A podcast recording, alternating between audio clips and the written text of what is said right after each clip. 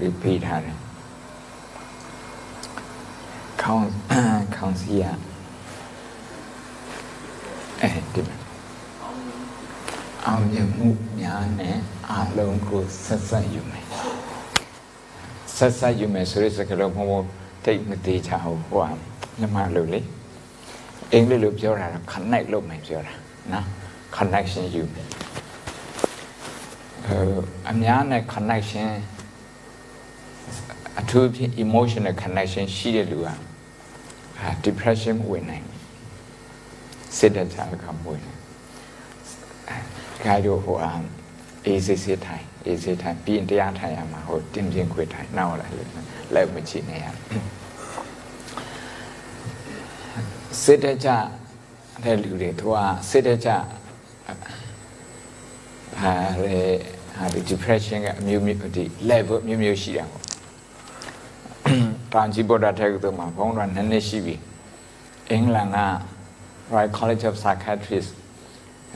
စိတ်ထုခုဆရာဝန်တွေဖိတ်ပြီးတော့အဲ့ဒါတွေလေ့လာတယ်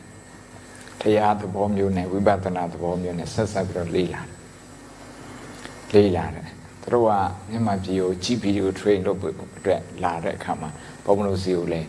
အဲဘိုးကြီးနေဒီလန်ရှင်တွေချောင်းသားချောင်းသူတွေသွားပြီးတော့ training လုပ်ပေးတယ် ဘုံတို့ထောင်ကြီးချမ်ပီယံနဲ့ဗုဒ္ဓတက္ကသိုလ်မှာ meditation and psychology department ကိုရှိပါတရားထိုင်တာကို psychology နဲ့နိုင်ရှင်ပြီးတော့လေ့လာတာပေါ့ဘာဖြစ်လို့ဒီလိုလေ့လာတော့ဆိုအနောက်တိုင်းက psychology ကဗုဒ္ဓတရားတော်စီရဲ့အနေပြီးတော့အများကြီးယူယူပြီးတော့သူတို့ရဲ့ဘာသာကို improve လုပ်နေလို့ကိုယ်စီကနေသူတို့ကိုသွားပြီးတော့ သွားယူလာတာတော့တိတ်မရှိသေးဘူးသူတို့စီကဘာကောင်းတာဆို diagnosis ကောင်းတယ်သူသူရိနာအခြေခံနေဆိုတော့ diagnosis ပေါ့နော်ပြဿနာတော့နားလည်အောင်လုပ်တဲ့နေရာသစ္စာလေးပါးစကားနဲ့ပြောရင်တော့ဒုက္ခသစ္စာကို observe လုပ်တဲ့နေရာမှာကောင်းတယ်ပေါ့ဟို clinical ဖြစ်တယ် scientific ဖြစ်တယ်အဲ့လိုပေါ့အဲ့ဒီဟာဟိုဗုဒ္ဓတရားတော်ထဲမှာရှိတဲ့သမာဓိတိတ်ခါနဲ့ ပေါင်းလိုက်ရင်လူကကိုယ့်ကိုကူညီနိုင်အောင်လည်းမကောက်ဘူးသူတို့ဘာကိုလည်းကူညီနိုင်တဲ့ပုံစံဖြစ်သွားတယ်ဒီနေ့အဓိကတော့အောင်မြင်မှုများနဲ့အားလုံးကိုအမ်ဆက်ဆက်ရမဆက်သွယ်မယ်ဆိုတာက um to connect with everyone through your own success ကိုယ့်ရဲ့ success နဲ့လူတိုင်းလူတိုင်းကိုလူတိုင်းလူတိုင်းကို um emotional connection ယူထားဖို့ emotional connection ရှိတဲ့လူတွေကတဲ့ emotional connection ရှိတယ်ပုံမှန်ပြောတာမဟုတ်တဲ့ဗမြင်ရှင်ပြောတာပါ also handle of compassion science သူတို့ပြောတာကရုဏာကိုသိပ္ပံလို့သူတို့ခေါ်တာဒီမှာပြောတာ pro sociality pro social ဖြစ်တယ် pro social ဖြစ်တယ်ဆိုတော့တယောက်နဲ့တယောက်စကားပြောခံမှာတစ်ဖက်သားရဲ့ perspective အအတွေးနဲ့ခံစားမှုကိုဟိုစိတ်ထဲမှာ အမ်အဲတတိထားမိတယ်ပေါ့တတိထားမိတယ်အဲ့လိုဖြစ်တဲ့ပုဂ္ဂိုလ်ကသူက communication ကောင်းမှာ pro social ဖြစ်တယ် pro social ရဲ့ဟိုကိုစဉ်းစားကြည့် pro social ရဲ့ဆန့်ကျင်ဘက် anti social ပဲ anti social ဘုံဘုံကပြောချင်တယ်ဘုံဘုံအများကြီးပြောသွားတယ်တခြားပုဂ္ဂိုလ်တွေပြောဖို့အတွက်ချမ်းမထားဘူးဆိုရင်ဒါကအလိုလိုနေနဲ့ anti social ဖြစ်နေတာပေါ့ကိုပြောတာဘလောက်ပဲကောင်းအောင်ဘလောက်ပဲမှန်မှန်အဲ့လိုဖြစ်နေတာ အဲအကြောင်းတင်းမတ်နိုင်ငံမှာတို့သင်ပေးတဲ့ empathy lesson ဆိုတာ class 1လို့ခေါ်တယ်သူတို့ဖာပခါနဲ့အဲ့ဒါကကလေးတွေကို6နှစ်ကနေပြီးတော့16နှစ်အထိဟိုကိုချင်းစာတရားသင်ပေးတဲ့အခါမှာတပတ်ကိုတနာရီတပတ်ကိုတနာရီပြဿနာကြောင့်မဆွေးနွေးတာပြဿနာကြောင့်ဆွေးနွေးတဲ့နေရာမှာကလေးတွေအရောက်တိုင်းအရောက်တိုင်းကပြောအောင်အကြံဉာဏ်တွေထုတ်အောင်နောက်ပြီးတော့ သူများပြောတဲ့အခါမှာနားထောင်အောင်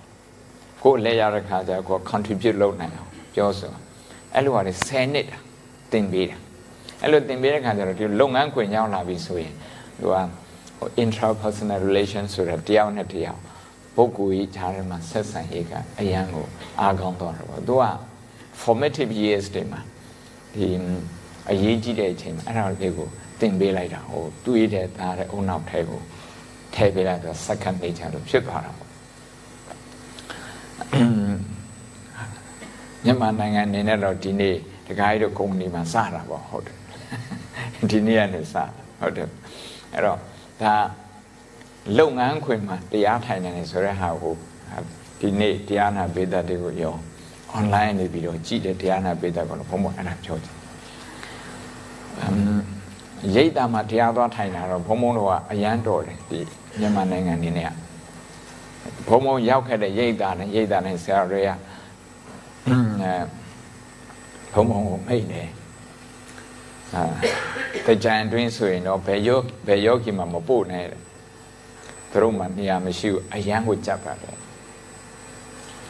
တနိုင်ငံလုံးအဲ့လိုဖြစ်တာရိတ်တာတစ်ထောင်လောက်ရှိတာအဲ့လိုအကုန်လုံးလက်ခံတယ်ဆိုရင်အကုန်လုံးပြည့်ကြတယ် ရိတ်တာမှတရားသွားထိုင်တာတော့ဒီနိုင်ငံက top ထဲမှာပါ top ထဲမှာပါဘာလို့နေတော့ဆိုတော့ဘုံဘုံတို့ကရိတ်တာမသွားဘဲနဲ့တရားထိုင်တယ်အထူးသဖြင့်လုပ်ငန်းခွင်မှာတရားထိုင်တယ်အစည်းအဝေး the executive meeting room ထဲမှာတရားထိုင်တယ်လွတ်တော်ထဲမှာတရားထိုင်တယ်ဝန်ကြီးဌာနမှာတရားထိုင်တယ်အဲ့ဒါတွေက ပုံမှန်ဝန်ကြီးဌာန6ခုဒီလိုတနေ့ကောင် workshop တွေပေးပြီးပါပြီပေးပြီးပါပြီအဲ့ဒါကိုတွေ့ရပြောပြပါဟုတ်ဝန်ကြီးဌာနတွေတရားထိုင်ဖို့လိုတယ်ပြောတာဘုံဘုံကကရုဏာနဲ့ပြောတာဟုတ်ရှုပ်ချတဲ့ပုံစံမျိုးနဲ့ပြောတာမဟုတ်ပါဘူးအလုပ်တွေဒီလောက်များတာသူတို့က support လုပ်တယ် emotional support လုပ်တယ်ဒီ support က ဘုံဘုံတို့ယဉ်ကျေးမှုထမ်းမှာဒါသတိပဋ္ဌာန်ဆိုတာရှိပြီးသားပဲဒါမဲ့ကိုကတော့ရမယ်ဆိုတော့မသိဘူးမသိဘူးမသိတဲ့ခါကျတော့လက်တကမ်းမှာရှိတယ်ဒါမဲ့တစ်ခါမှမမီဘူးအဲ့လိုဖြစ်နေနီးရနဲ့ဝေးလို့ဖြစ်နေဘောပြောနေတာခဏကြာတယ်ဟိုဟာဗီဒီယိုကလစ်လေးနည်းနည်းပြန်ဒီနေ့ဗီဒီယိုကလစ်သုံးခုပြဖို့ရှိပါတယ်တခုကတော့အမ် အင်္ဂလန်နိုင်ငံမှာသူတို့အတန်းကျောင်းတွေမှာအတန်းကျောင်းတွေမှာတရားထိုင်နေဟာတရားထိုင်ဆိုတော့ဒီလို assembly မှာထိုင်တာလည်းရှိတယ်ဘုံမောင်သွားပြီးတော့သင်ပေးဘူးတယ်ဒီဟာကြတော့မဟုတ်ဘူးသူတို့ရဲ့ဆရာဆရာမတွေကိုယ်တိုင်ကကိုကသင်တန်းတက်ပြီးတော့ရှစ်ပတ်သင်တန်းတက်ပြီးတော့သူတို့ကလေးတွေကိုကိုယ့်ရဲ့အတန်းနဲ့မပြန်သင်ပေးတာအတန်းဆိုရင်ဒါဒီလိုပဲဝိုင်းထိုင်ပြီးတော့ဟိုကလထိုင်တွေကြားစာအုပ်တွေကြားမှာဒီလိုထိုင်လိုက်တာဒီနေ့ဒီနေ့ကို အဲ၄မိနစ်၅မိနစ်လောက်ထိုင်တယ်အဲတချို့ဆိုရင်1 semester တချို့ဆိုရင်တစ်နှစ်၃နှစ်လောက်ဆိုရင်သူကဘာတွေမြင်ရတော့ဆိုတော့ဒီဗီဒီယိုထဲမှာတော့မဟုတ်ဘူးဒီ Wisconsin မှာထောင်2016နှစ်16ခုနှစ်တုန်းက national national news ထူတယ်မှာသူတို့တင်ပြရဟာက 3နှစ်အဲ့ဒီလိုဒီနေ့ကို3မိနစ်အနေ5မိနစ်လောက်တရားထိုင်ပြီးတဲ့ချိန်မှာတဲ့ကလေးတွေရဲ့ behavior ကအရင်တော့ဆိုစီကံဖောက်ဖြတ်လို့သူများကိုနှောက်ယှက်လို့အမ်စားတဲ့စိတ်ဝင်စားပဲနဲ့နော်ဥမာ तू က emotional issue ရှိတာဖြစ်မှာပေါ့ကလေးကသူ့ကိုသူမသိဘဲနဲ့သူများသွားပြီးတော့နှောက်ယှက်တဲ့ဟာတွေအဲ့ဒါကြောင့်ဆရာကြီးတွေဆရာမတွေစီတိုင်ခံရတာအဲ့လိုတိုင်ခံရတာက85ခန်းတော့ယော့ပါ ယော့သွားတယ်အင်္ဂလန်မှာသူတို့ပြောတာကအဲ့လိုတစ်နှစ်လောက်လုပ်ရဲဆိုရင်သူတို့ကျောင်းရဲ့ academic performance နဲ့တခြားကျောင်းရဲ့ academic performance ကကွာသွားတယ်တမာတိကောင်းတာဟုတ်တမာတိကောင်းတဲ့ information retention ကလည်းပိုကောင်းတယ် absorb လောက်တာလည်းပိုကောင်းတယ်တွေးခေါ်နေရပိုကောင်းတယ်တခြားလူတွေနဲ့ဆက်ဆံရေးမှာလည်းသူကပိုကောင်းကဲဟောဟင်းကြရဝင်ရင် let's create mindful school အဲ့ဒါလေးပြဒီမီဒီခဏလေးပြည့်ပေးပါ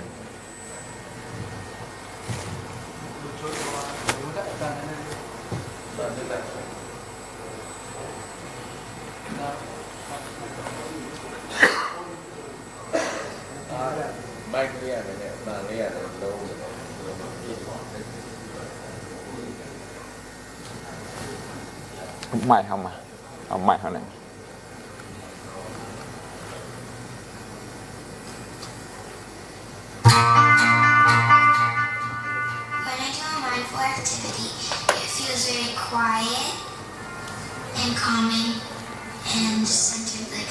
เป็นเทคเด็ก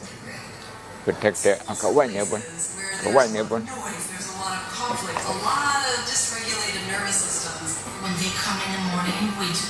do mindful practice, and sometimes they become upset or tired, but they know that they can find calmness in their breathing. It helps them to focus. Sometimes, like when people bother me a lot, I'll be like a less calm student, like have a lot of anger. What if we just created a space where we could take a moment to really come back to what's most important? Mindfulness is like um, you go to a blank space and focus on your breath and what's around you. It's like another way to cool down when you're mad. When I can't figure out the answer to a question on the test, I get really stressed sometimes, but then I stop and then I notice what I'm doing. That pause impacts our well-being, but it impacts how we react and respond. I say, okay, right now I'm feeling very angry. I need to calm down. And then I say, I can do this effectively with one time. Maybe I just need to count it down from 10. to move towards these 21st century skills, there's so many foundational pieces that help those things happen. While we're breathing in and breathing out, if our mind starts to wander too much or thinking about other things, and as soon as we realize we're It's like we're getting our minds ready to just sit right where we are. Sometimes, like we wandered off to like a place that's calm and peaceful. Oh, wow. How did that feel? It felt great. It's a way for us to approach supporting children's social emotional development. Kids need to be taught skills really intentionally. Mindfulness has helped me just kind of slow down a little bit and just present for parents, for students, acknowledging teachers' and needs. Teachers have a lot of stress. Mindfulness have I help my practice and become a better teacher, having the calmness that the kids need to solve their problems, to being able to learn better. By starting with the adults in the community, we're helping the whole community. It impacts our ability to listen and to relate to other people and have empathy, build resilience confidence in kids, which is so powerful.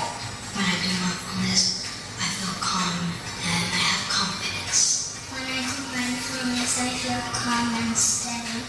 If everyone in the world practiced mindfulness, it would be more peaceful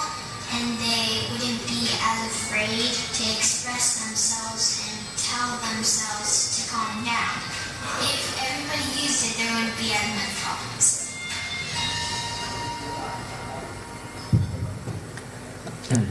အတန်လုံးနေလားမသိဘူးနည်းနည်းလုံးနေဒီကလေးစမ်းကြည့်မယ်နော်ဒါကြားလားဒီကအပြင်ကကြားလားမကြားရအောင်တင်ဟမ်ကြားရလားကြားလားโอเค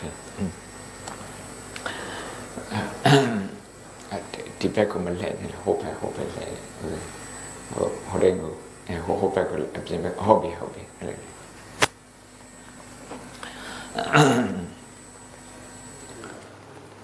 ဒါဗုဒ္ဓဘာသာနိုင်ငံမဟုတ်ပါဘူးဒီဗီဒီယိုကလစ်ထဲမှာတွေ့တယ်ဒီမှာရတဲ့ဟာကိုဟိုသူတို့ describe လုပ်တဲ့အခါ 21st century skill တဲ့ mindfulness က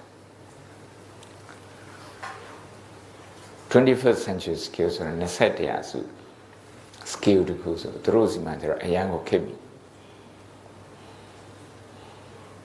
ခက်ပြီတဲ့အရန်တခု စေပညာလောကမှာလည်းပဲအသုံးပြုဘာဖြစ်လို့လဲဆို side effect တွေတိတ်မရှိပဲ pain killer တိတ်တောက်ဖို့မလိုပဲနဲ့ pain management လုပ်နေတယ်ဝေဒနာလုပ်ပဲဒါမျိုးတွေ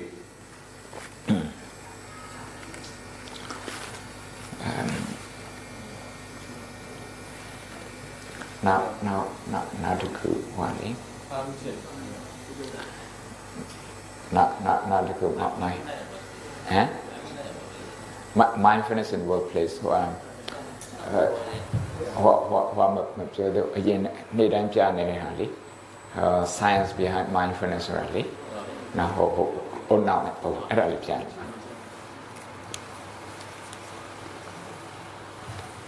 จานโอเคนั่นแหละนั่นเลยเราเลยจานเลยครับมีเลยจานไปเลยครับ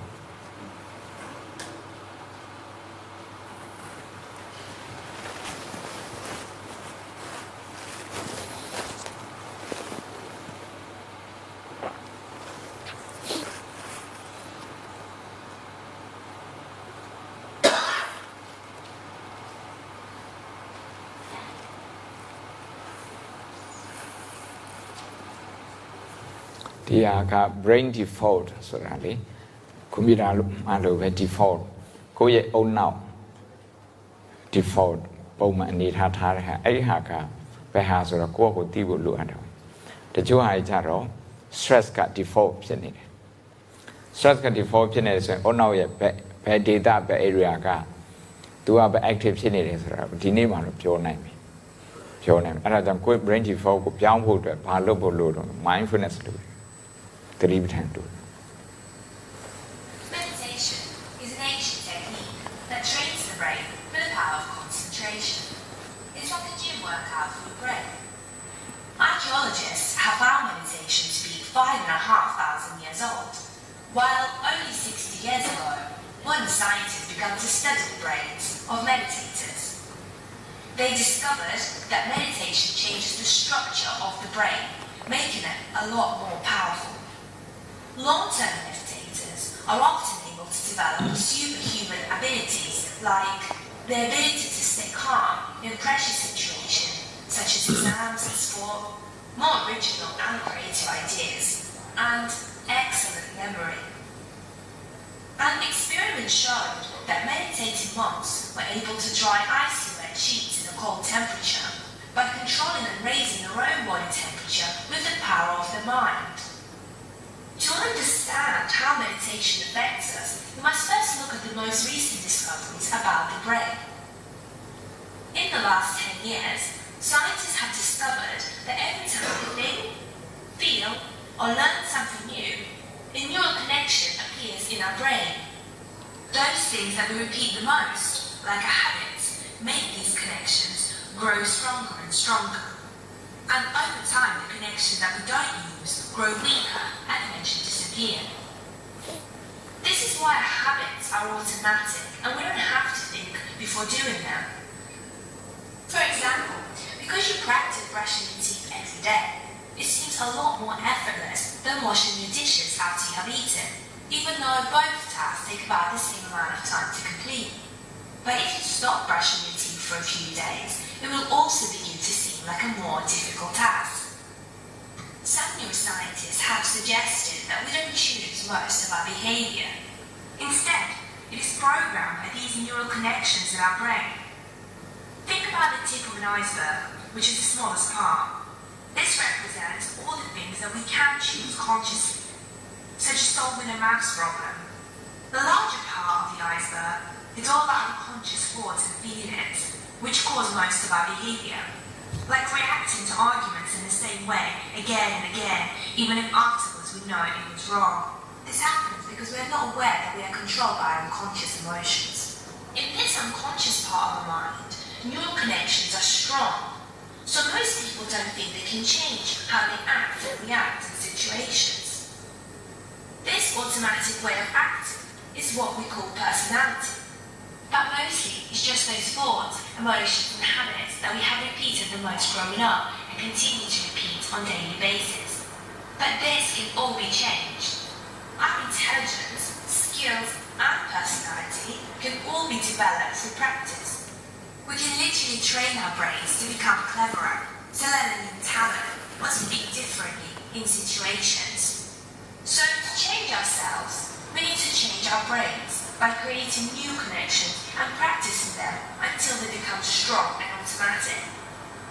This means that stuff that we find hard now will become easier and easier the more we practice it. Think back to when you struggled to read.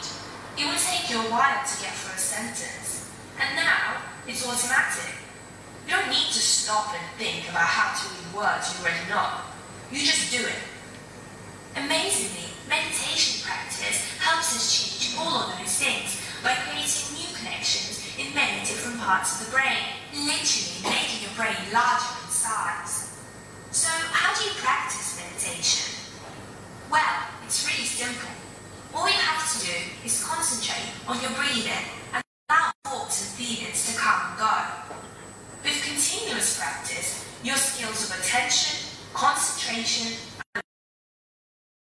But it's actually quite hard to concentrate on your breath and nothing else.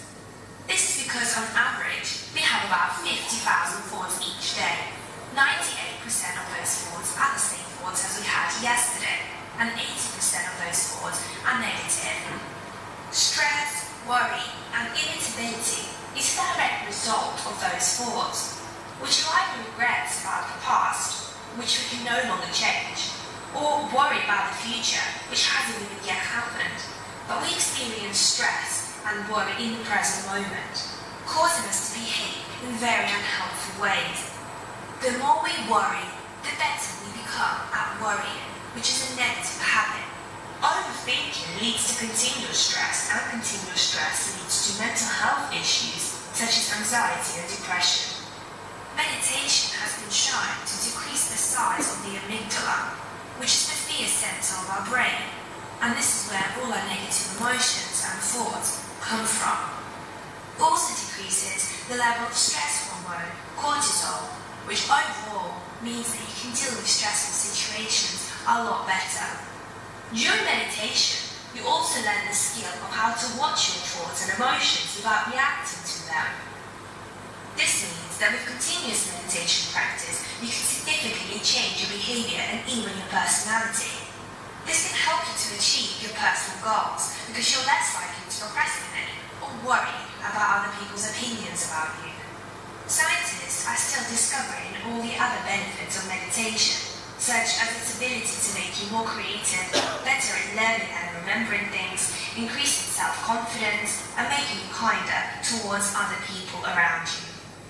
Leaders of big companies, athletes, and even pop stars use meditation as a way of training their minds. And the NHS now use meditation to treat a variety of mental health issues. It's even been shown that meditation is more effective than using drugs. Not bad, hey? But say all you need to do is sit still for 20 minutes, close your eyes, and concentrate.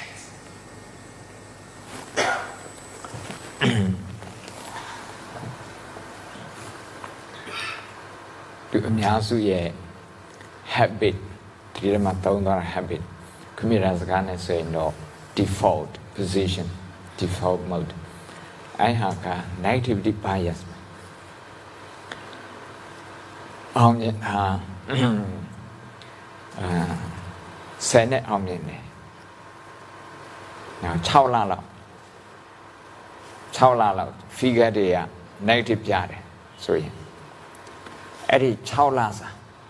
ဟိုပဲစိတ်ကရောက်သွားမယ်6လစာစိတ်ရောက်သွားမယ်အဲ့10နှစ်လောက်အောင်မြင်ခဲ့တယ်နော်စိတ်ကအဲ့ကိုမရောက်ဘူးစိတ်က negative ဖြစ်တဲ့အရာတွေကိုပို့ပြီးတော့ register လုပ်နိုင်စွမ်းရှိတယ် positive ဖြစ်တဲ့အရာဆိုရင်သိပြီးတော့ register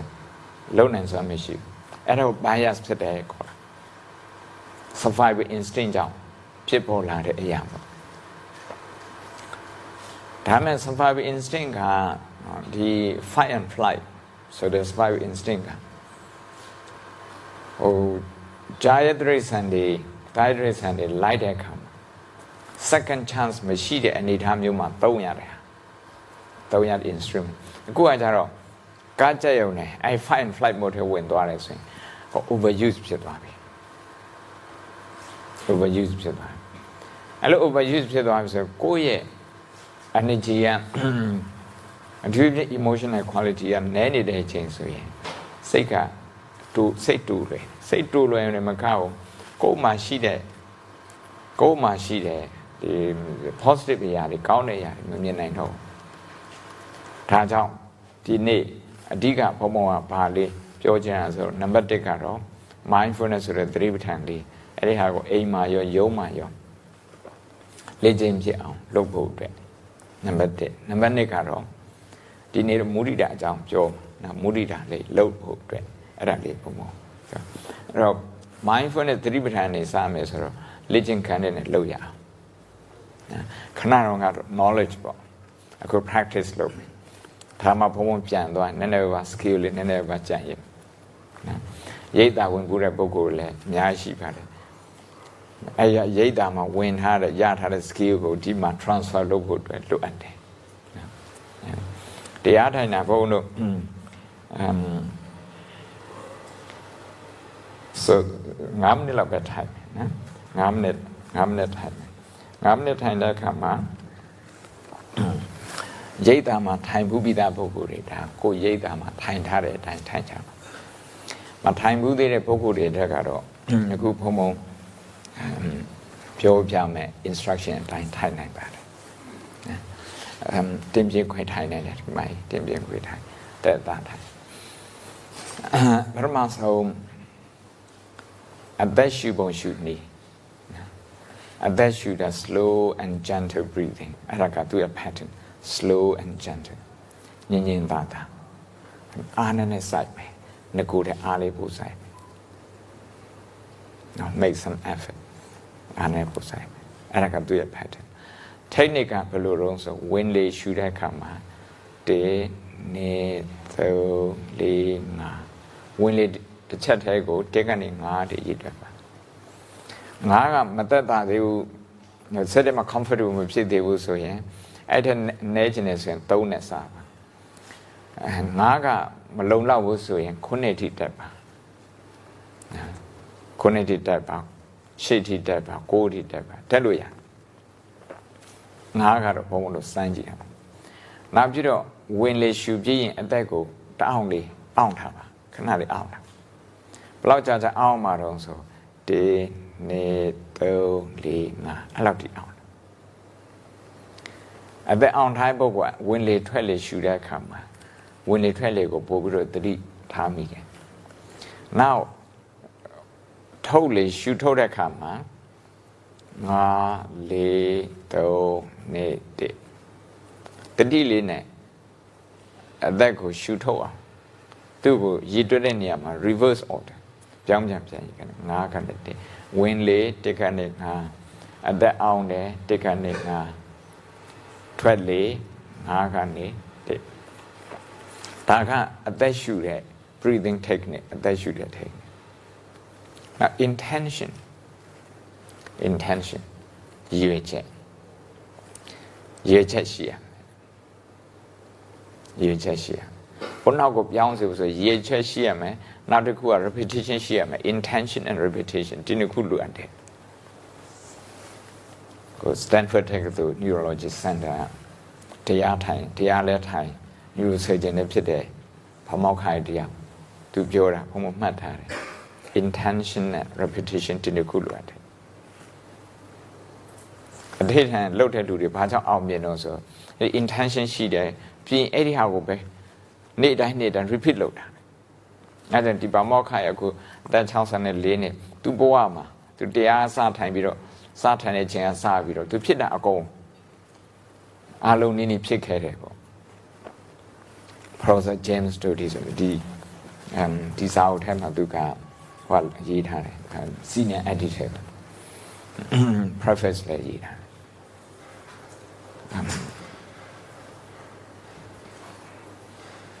အစိုးရစီကနေပြီးတော့ပေးကမ်းတဲ့လက်စင်ထောက်ပံ့တဲ့အဲငွေလေးနဲ့ survive ဖြစ်လာခဲ့တဲ့မိသားစုအဖေအယက်သမားအမေကအမ် paralyzed ဖြစ်ပြီးတော့အမြဲတမ်းအိမ်မှာ စကားများရင်မိသားစုအဲ့ဒီကနေပြီးတော့ neurosurgeon ဖြစ်လာတယ်ဆိုတော့ဒါသူ့ရဲ့ journey ကမနေဘူးအဲ့ဒီထဲမှာအခုသူက billionaire ဖြစ်ပါတယ်အဲသူ့ရဲ့ success story ဟာလေအဲ့တော့သူပြောတာဗုဒ္ဓတရားတော်ကိုရှင်းအောင် practice နဲ့ပြောတာတော့ intention နဲ့ repetition လိုအပ်တယ်တဲ့ intention ကိုကြတော့ဒီနေ့အသက်ရှူတဲ့အခါမှာဘုံဘုံကကရုဏာကို intention နဲ့နေတာ ကိုယ့်ရဲ့ခန္ဓာကိုယ်ကိုတနာတဲ့စိတ်တနာတဲ့စိတ်ဘာလို့တနာဖို့လို့ဒီခန္ဓာကိုယ်အရင် vulnerable ဖြစ်ပါတယ် vulnerable ဖြစ်ပါတယ်ဆရာဝန်တွေမေးကြည့်ပါအသက်မရှူဘဲနဲ့ဘုံဘုံတော့ဘယ်နှမိနစ်နေနိုင်တော့အများကြီးအကြာကြီးမနေနိုင်ပါဘူးအဆုတ်ကနေပြီးတော့နှလုံးနှလုံးနေပြီးတော့တကယ်လုံးမှာရှိတဲ့သွေးသွေးကြောတွေ arteries တွေ vein တွေနောက်ပြီးရင်ဥနောက်ထိ အကုန်လုံးလိုအပ်တယ်နောက်ပြီးတော့သမင်စာပြည့်နဲ့အစာရင်ဟဲ့အထိဒီအောက်ဆီဂျင်လိုအပ်တယ်အဲ့လိုနေရာတိုင်းလိုအပ်လို့နော်ဒီအောက်ဆီဂျင်မရဘူးဆိုရင်ဒီခန္ဓာကိုယ်ကအရန်ကိုထိလွယ်ရှာလွယ်ဖြစ်လို့ဒီခန္ဓာကိုယ်ကိုကိုယ့်ရဲ့တူဒီသောရင်သွေးလို့သဘောထားပြီးပါတူဒီသောရင်သွေး undivided attention ပေးရသူ attention ပေးရဒီအချိန်နော်တူရိုးရင်သွေးဆိုတာကတူရိုးရင်သွေးရှိတဲ့မိခင်ကသူ့ရဲ့ကလေးကို undivided attention ပေးတယ်မိခင်ရဲ့နှလုံးသားမိခင်ရဲ့စွမ်းရည်ဒီတိုင်းပါပဲကိုယ့်ရဲ့ခန္ဓာကိုဒီမှာထိုင်နေတဲ့ကိုယ့်ရဲ့ခန္ဓာကိုကိုကိုယ့်ရဲ့ရင်သွေးလို့သဘောထားပါကိုယ့်ရဲ့သားလေးလို့သမီးလို့တူဒီတော့ သားလို့သမီးလို့သဘောထားပါထားပြည့်ရင် mindfulness ဆိုတဲ့သတိပဋ္ဌာန်အသိစိတ်အဲ့အသိစိတ်ကမိခင်စိတ်ကရုဏာကမိခင်စိတ်အဲ့ဒီမိခင်ကဘာလုပ်ပေးမှာတော့ဆို oxygen supply လုပ်ပေးမယ်ဒီခန္ဓာကိုကျန်းမာအောင်ဝင်လေထွက်လေရှူရှိုက်ဒီခန္ဓာကိုကျန်းမာအောင်စိတ်ဖိစီးမှုရှိတဲ့လူတွေကပုံမှန်အသက်မရှိဘူးနော် ဒေါသဖြစ်တဲ့လူကပုံမှန်အသက်မရှိဘူးနော်အသက်မရှိလို့အုံနောက်ကိုအောက်ဆီဂျင်ကအောက်ဆီဂျင် supply က efficient မဖြစ်တဲ့ခါကျတော့တွေးခေါ်တဲ့နေရာမှာလည်းပဲ executive brain center ကကောင်းအောင်လုပ်မလုပ်ပါဘူးဒါကြောင့်ဒီခန္ဓာကိုယ်ကိုတနာကျင်နာတဲ့စိတ်နဲ့ဘလောက်ဒီတနာကျင်မှာလဲဆိုကိုယ့်ရဲ့တူထီသောရင်သွေးလိုသဘောထားပြီးတော့သူ့ကိုဝင်လေထွက်လေ အောက်ဆီဂျင် supply လုပ်ပေးပါအခုပြောတာ pattern နဲ့ပြောပြီးပြီနောက်ပြီးတော့ technique လည်းပြောပြီးပြီ intention လည်းပြောပြီးပြီဒီကြားထဲမှာအခုက difficulty သူ့ရဲ့အခက်ခဲတွေ9မိနစ်ထိုင်ရတာမှာအခက်ခဲတွေရှိပါတယ်အဲ့ဒါတော့ဘာလို့ဆိုတော့ဒီဝင်နေထွက်လေမှာစိတ်ထားတဲ့ attention ထားတဲ့အဲ သူပြဿနာရှိလိမ့်မယ်စိတ်ကဟိုရောက်ဒီရောက်ရောက်မယ်အဲ့ဒါကိုကြိုးလင်ကြိုးတင်ပြီးတော့မျောလင့်ထားပါစိတ်တွေဟိုရောက်ဒီရောက်ရောက်လိမ့်မယ်အဲ့ဒီလိုစိတ်ကဟိုရောက်တယောက်ရောက်တယ်ဆိုရင်သူ့အလိုလိုရှောက်တွေးနေတဲ့စိတ်လို့ခေါ်တာပေါ့ဘုံမောကဘယ်လိုနာမည် auto mind လို့နာမည်ပေးထားတယ် auto စိတ် auto mind default ဖြစ်နေတာလေအဲ auto mind ဖြစ်တယ်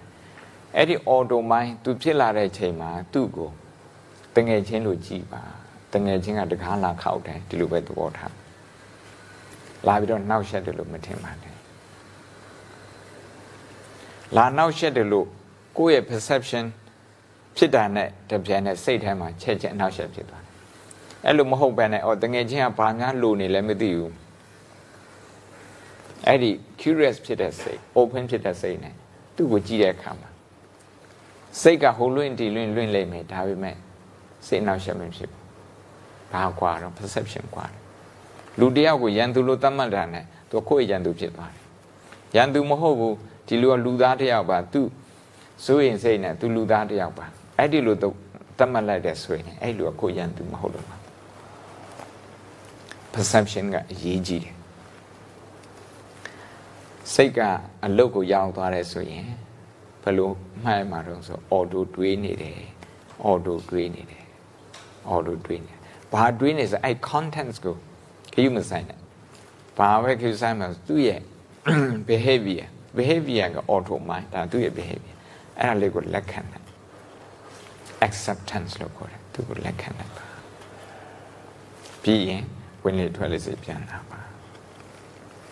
ကဲ9မိနစ်တရား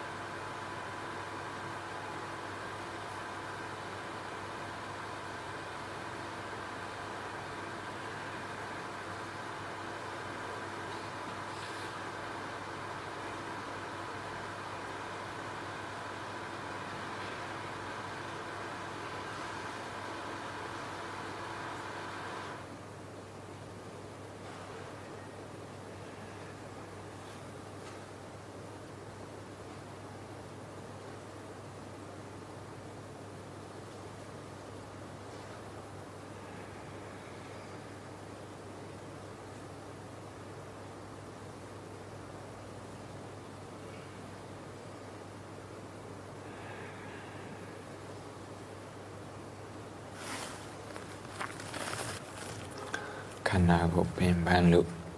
အကျော်တွေတင်းနေတဲ့ muscle တွေတင်းနေတယ်ဆိုရင်လည်းပဲအဲ့ဒီ muscle တွေတင်းနေတာလေးကိုကရုဏာနဲ့လက်ခံပေးပါတင်းနေတဲ့ပင်ပန်းနေတဲ့ muscle တွေအတွက်ကြွက်သားတွေအတွက်ဝင်လေထွက်လေရွှေ့ဆိုင်ပေးပါ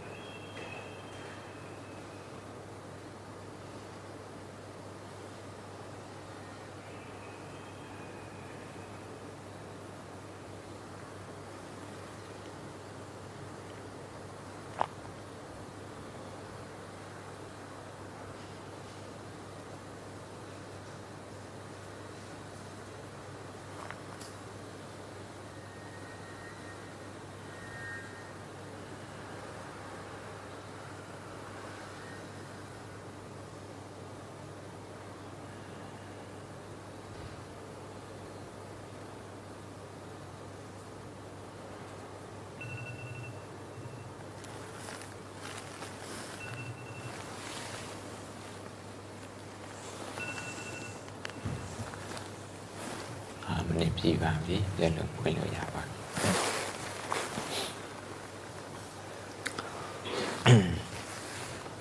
မူဒီတာမသွားခင်မှာဒီတတိပဋ္ဌာန်ပဲ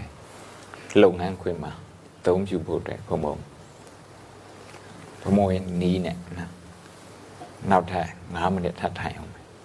instruction တည်တံပေးပြီးတော့မှအမေရိကမှာဟို university မှာသင်တဲ့သ တိပဋ္ဌာန်ပေါ့အဲ့ဒီနီးနဲ့လုပ်ငန်းခွင်မှာအသုံးပြုတဲ့ mindfulness ကို video clip လေးပြပြီးတော့နည်းနည်းရှင်းပြဒီဆရာမက Toronto တက္ကသိုလ်မှာ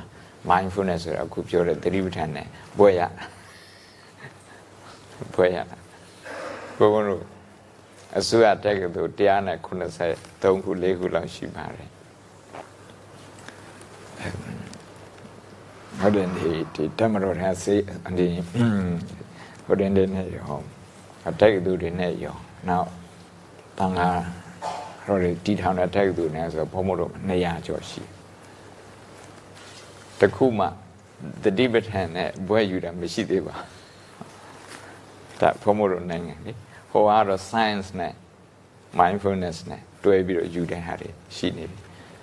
Toronto ကသူကနောက်မှလုပ်တယ် America အင်္ဂလန်အရင်ဆိုတော့ Oxford တိုက်သူမှာဆို Master နဲ့ PhD ယူလို့ရပါတယ် Oxford Mindfulness Center ဆိုတည်တံ့ရှိပါတယ်အဲ့ဒါတော့ထားရတော့နောက်တဲ့ subject တစ်ခုအခု9မိနစ်တရားထိုင်ခိုင်းမှာ connection ယူခိုင်းဘာအသုံးပြုတော့စိတ်ဖြစ်စီမှုယူခိုင်းနံပါတ်1ကကိုယ့်ရဲ့ stress ကိုပြန်တွေးခိုင်း ခါတိုင်း stress ဖြစ်တဲ့အခါမှာကိုကမတိစိတ်နဲ့အဲ့ဒီ stress ကိုခံစားတယ် အခုကြတော့သိစိတ်နဲ့ဒါလေးกว่าတယ်မသိစိတ်က subconscious mind နဲ့သိစိတ်က conscious mind နဲ့ conscious mind နဲ့သွားတွေးရင် conscious mind နဲ့တွေးတဲ့ခါမှာအတိလေးကတ်ထားတဲ့ခါမှာအမ်ဗုဒ္ဓမြတ်စွာဘုရား ဗုဒ္ဓမြတ်စွာဘုရား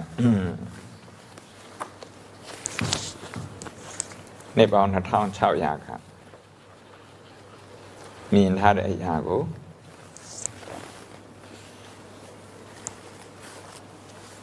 မြင်ထားတဲ့အရာကိုအခု clinical psychologist နဲ့ neurologist ရဲ့ဖာပြောတော့ဆိုအဲ့ဒါလေးပုံမှန်နဲ့ဖတ်ပြန် alter traits တဲ့ personality နဲ့အုံနောက်ကိုပြောင်းစင်းတယ်ဒါအုံနောက်ရဲ့ alpha တွေပဲဟိုတဲ့ neurology မှာဟုတ်ဗျာ Medi uh, science reveals how meditation changes your mind, brain, and body. The New York best time seller ဆရာကြီးနှစ်ဦးရဲ့အန်ဒီမှာရေးသားချက်ပါတူကတော့ Wisconsin University မှာတူကတော့ emotional intelligence ရေးတယ် Daniel Goleman နှစ်ယောက်စလုံး Harvard တက္ကသိုလ်ထွက် စာမျက်နှာ140မှာဗာပြောင်းဆိုတော့ awareness of awareness ဆိုတာကအမ်စိတ်နဲ့စိတ်ကိုပြန်ပြီးတော့သိတဲ့ဟာပေါ့ stress ဖြစ်တာကစိတ်တစ်ခုအဲ့ဒီစိတ်ကိုတတိနဲ့ပြန်ပြီးတော့သိလိုက်တယ်အတင်းပြန်သိလိုက်တယ် awareness of awareness စိတ်ကစိတ်ကိုပြန်သိတယ် such awareness awareness itself lets us monitor our mind without being swept away by the thoughts and feelings we are noticing stress ကိုကြည့်နေတယ်ဆိုရင်အဲ stress ကကိုယ့်ကိုတရွတ်တိုက်ဆွဲခေါ်သွားတာမျိုးတွေမဖြစ်စေဘူး stress ကြောင့်ဟိုပြောဒီပြောမဖြစ်စေဘူး stress ကြောင့်စိတ်လိုက်မှန်းမှလှုပ်တာတွေဆုံးဖြတ်တာတွေမဖြစ်စေဘူး that which is aware of sadness is not sad Observe philosopher Sam Harris တရားထိုင်တဲ့ philosopher တယောက်ကဘာပြောအောင်ဆိုတော့ဝမ်းနေတဲ့စိတ်ကိုတိတဲ့စိတ်ကဝမ်းမနေဘူးဝမ်းနေတာကဝမ်းနေတဲ့စိတ်ကတခုဝမ်းနေတဲ့စိတ်ကိုတိတဲ့စိတ်ကတခုသွားပြီးတော့တိတဲ့စိတ်ကဝမ်းနေမှုနောက်ကိုလိုက်မသွားဘူးလို့ပြောချင်တယ် that which is aware of fear is not fearful ကြောက်စိတ်ကိုတိတဲ့စိတ်က မကြောက်ပါဘူး the moment I'm lost in thought, however, I'm as confused as anyone else. အသိစိတ်ကိမဲ့ပြီးတော့အသိစိတ်ကိမဲ့တဲ့ချိန်ဆိုရင်တော့အဲ့ဒီ um sadness နောက်ပြီးတော့ fear သူတို့ခေါ်ရနောက်ကိုကိုပါသွားပြီးတော့လုံးလုံးနေတာသူတို့လည်းသွားပြီးတော့လုံးချတယ် အတိရဲ့အရေးကြီးပေါ့အဲကြောင့်တတိပဋ္ဌာန်ဆိုတာက mindfulness based mindfulness is a leading factor ဒီ mindfulness ဒီ awareness ကိုအတိဒီဒီအခြေခံနေနဲ့စိတ်ကို training လုပ်တဲ့နည်းအဲ့ဒါကြောင့်အခု9မိနစ်ဝင်လေထွက်လေကြည့်ပြီးတဲ့အခါမှာအခုကြတော့တမင်သက်သက်အာယုံတစ်ခုကိုလိုက်ပြီးတော့ကြည့်ဒါကစိတ်ဖြစ်စီမှုရှိတယ် စိတ်ဖြစ်စီမှုရှိတယ်အဲ့တော့ပထမဆုံးကိုယ်စိတ်ဖြစ်စီမှုအကြောင်းသွားပြီးတော့ကြည့်ပါဘယ်အချိန်မှာစိတ်ဖြစ်စီမှုဖြစ်တော့အစည်းအဝေးထဲမှာလားတယ်လီဖုန်းလက်ခံတဲ့နေရာမှာလားဧည့်သည်လက်ခံတဲ့နေရာမှာလားတနေရာနေတနေရာအမ်ကူးသွားတဲ့ခါမှာလားအကုန်လုံးတော့ time and space နဲ့ပတ်သက်တာရှိတယ် space ဆိုတာကတနေရာတနေရာသွားတဲ့ခါကားကြက်တယ်ဆိုရင်ခါဟို stress ဖြစ်နေတာလားအိမ်ကနေအလုပ်လာတာ stress ဖြစ်နေရလား commuting အချိန်ဆိုတာကဒီမှာဒီ project ကအမ်နေ့ရက်ပဲ deadline ကျန်တော့တယ်တရက်ပဲကျန်တော့တယ်အဲတပတ်ပဲကျန်တော့ဆိုပြီး stress ဖြစ်တင်တက်လာဒါကြောင့်အဲ့ဒီဟာကိုပြန်တွေးခင်ကို stress ကိုပြန်တွေးဝင်နေထွက်လေအခုတခါရည်တာတော့မရည်တော့ဒါမဲ့ပုံမှန်လေး ရှူပြီးတော့အဲ့ဒီ stress ကြောင့်ပြန်တွေးမယ်ဟောဒီမှာ stress ဖြစ်တယ်ဒါ stress ကို pick up လုပ်တဲ့နေရာမှာညံအောင်လို့ stress ကိုမြင်တဲ့နေရာမှာမြင်မြင်လို့အကုန်လုံးကသူအလေးကျင့်ကြီးပဲနော်ကဘာကျော်ဘောလုံးသမားလည်းအလေးကျင့်ပဲကဘာကျော်အဆိုတော်လည်းပဲအလေးကျင့်ပဲ neurosurgeon လည်းပဲအလေးကျင့်ပဲစီးပွားရေးလုပ်ငန်းရှင်လည်းအလေးကျင့်ပဲအကုန်လုံး practice တွေကြီး ဒါလေးကို practice လုပ်ဒါနဲ့မပြီးသေးဘူးကိုယ့်အကြောင်းကိုပဲတွေးရင်လည်းလူ self center ဖြစ်တတ်တယ်ကိုယ်ဘ ਹੁ ပြုပြီးတော့ငါငါဆိုဖြစ်တတ်တယ်ဒါကြောင့်ကိုယ်နဲ့အရင်နှီးဆုံးပုံကိုယ်တွေဘဝထဲမှာအရင်နှီးပုံဆိုသူတို့ရဲ့ stress ကိုသွားပြီးတော့တွေးကြည့်ပါကလေးရလည်းကလေးလည်း stress ရှိတယ်နော်ဘမကလေးတွေကိုတင်ပေးတဲ့ခါကျတော့သူတို့ complain လုပ်တယ် သူတို့မိဘတွေကသူတို့ stress ကိုနားမလည်ဘူးအတိမတ်မပြုဒီမှာမိဘတွေများတဲ့ခါကျတော့ဒါလေးတော့ပြောချင်းပြောလိုက်ဘူးအဲကလေးတွေမှာလည်းသူ stress တွေရှိတယ်လေကြောင်းသွားတဲ့ခါမှာအမ်တငယ်ချင်းတွေကသူတို့ ਨੇ တငယ်ချင်းမလုပ်ချင်ဘူးဆိုဒါအရန်ကြီးတဲ့ stress တစ်ခုပဲရန်ကြီးတဲ့ stress တစ်ခု လူကြားသူကြားမှာသူ socializing skill ကိုထိသွားတာ project တွေရှိမယ် homework တွေရှိမယ် exam တွေရှိမယ်ဆိုတော့ stress တွေများလာပြန်တခါတခါရတဲ့ grade ကိုမိဘကမကျေနပ်ဘူးဒီထက်ပိုပြီးတော့ကောင်းအောင်လုပ်ပါဆိုသူ stress တက်ပြန်အဲ့ဒါမျိုးတွေပေါ့အဲကြောင့်ကိုချစ်တဲ့ပုံကိုယ်တွေရဲ့ stress ကိုလည်းပါပြီးတော့အတိမတ်ပြုပေးပါ kindness လို့ခေါ်တယ်အတိမတ်ပြုတာ kindness kindness နော်လူတယောက်ကိုနာမည်နဲ့အတိမတ်ပြုလိုက်တာဆရာဝန်တွေကလူနာတွေကိုနာမည်နဲ့ခေါ်ပြီးတော့စကားပြောရင်ねလူနာတွေယောဂပိုသက်တာတယ် from video clip ရှိတယ် ICU ထဲမှာအလုပ်လုပ်တဲ့ဗမောက်ခါကြီးကပြောတာ compassion နဲ့ပတ်သက်ပြီးတော့အဲဒီဆရာဝန်ကြီးကအခုပြောနေဆရာဝန်ကြီးက abstract ပေါင်းတစ်ထောင် research paper ပေါင်း200ဖတ်ပြီးတော့မှဒီဟာအခုပုံပြောတဲ့ဟာတွေကိုပြောတာသူက research oriented ဆိုတော့အရန်ကရုံမပြောပါဘူးအဲ့ဒါကြောင့် kindness ဆိုတာကမေတ္တာနဲ့အတိမတ်ပြုလိုက်တာကိုယ့်ရဲ့ stress ကိုမေတ္တာနဲ့အတိမတ်ပြုပါအော်ဒီမှာစိတ်ဖြစ်စီမှုဖြစ်နေတယ်နားလည်မှုမေတ္တာအဲ့ဒါလေးနဲ့ empathy လို့ပဲခေါ်ခေါ်ဘာပဲခေါ်ခေါ်အဲ့ဒါရနောက်ပြင်ကိုချစ်ခင်သူချစ်ခင်တဲ့ပုဂ္ဂိုလ်တွေကိုဘဝထဲမှာအရေးပါတဲ့ပုဂ္ဂိုလ်တွေသူတို့ရဲ့ stress ကိုနံပါတ်1နံပါတ်3ကျတော့လှုပ်ဖို့ကံဖက်တယ်သူတို့ stress ဒီဟာအတိမပြုဖို့လိုအပ်တယ်နော်ဒီမပြုလို့ရတယ်မဟုတ်ရင်ဘသူက burn out ဖြစ်တယ်ဆိုတော့မသိဘူးမသိတဲ့အခါမှာအလုပ်တစ်ခုသွားပြီးတော့ပေးရင်သူ့ရဲ့ performance ကကိုမျောလင့်တဲ့လောက်မဖြစ်ဘူး သူ့ကိုကို emotional support မှမပေးတာအဲလို့ဘောခံဖက်နံပါတ်၄ကတော့ကိုကုမ္ပဏီရဲ့အပြင်ဘက်ကရွှေမီဥက္ကဋ္ဌဒါကြီးကိုကုမ္ပဏီအပြင်ဘက်ကလူတရားရောက်ရဲ့ stress ကိုတော့တွေးပါဝန်ကြီး stress ပဲဖြစ်ဖြစ် DGD ရဲ့ stress ပဲဖြစ်ဖြစ်တခြားကုမ္ပဏီရဲ့ stress အဲကုမ္ပဏီရဲ့တရား stress ကိုပဲဖြစ်ဖြစ်တတ်တော်မမောင်ရဲ့ stress ကိုတော့တွေးလေရတယ်ငယ်ချင်းဆိုတော့ဟုတ်တယ်မလားလေးလေးခုနော် exercise လေးခုလုပ်မယ်နံပါတ်1ကကိုယ့်ရဲ့ stress ကိုပြန်ပြီးတော့အတိမတ်ပြုပါရိတ်တာမှာဆိုရင်တော့မှတ်ပါလို့ပြောတာဘုံမောကတော့အတိမတ်ပြုပါ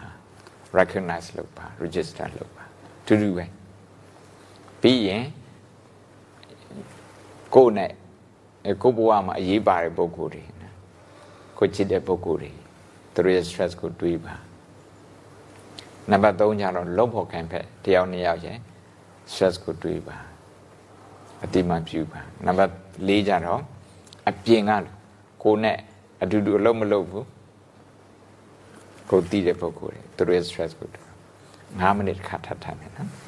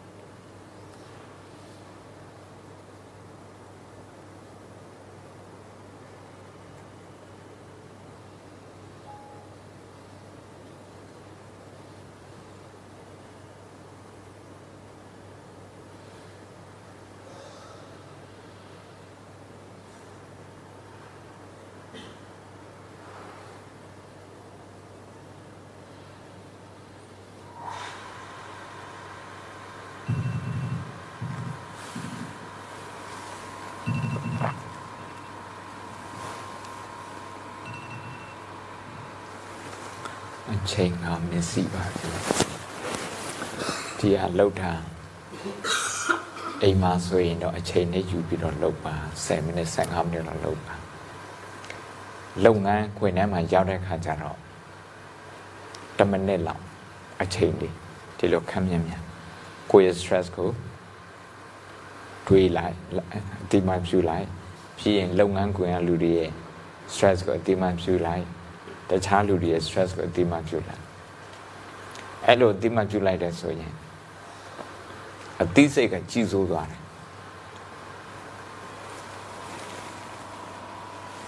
အုံနောက်ပိုင်းစာ neurology နဲ့ပြောရင်ရှေ့ပိုင်းကအုံနောက်ပဲလို့အဲ့အတိက anterior cingulate cortex ဒီရှေ့အုံနောက်အဲ့လိုမဟုတ်ဘူးဆိုရင် stress ကဘာနဲ့တူတော့ torrent trace နဲ့တူတယ်တော်ထဲကိုမိမိ့ရော့ရော့တတိမပါဘဲနဲ့ mindfulness မပါဘဲနဲ့ဝင်သွားတယ်တူ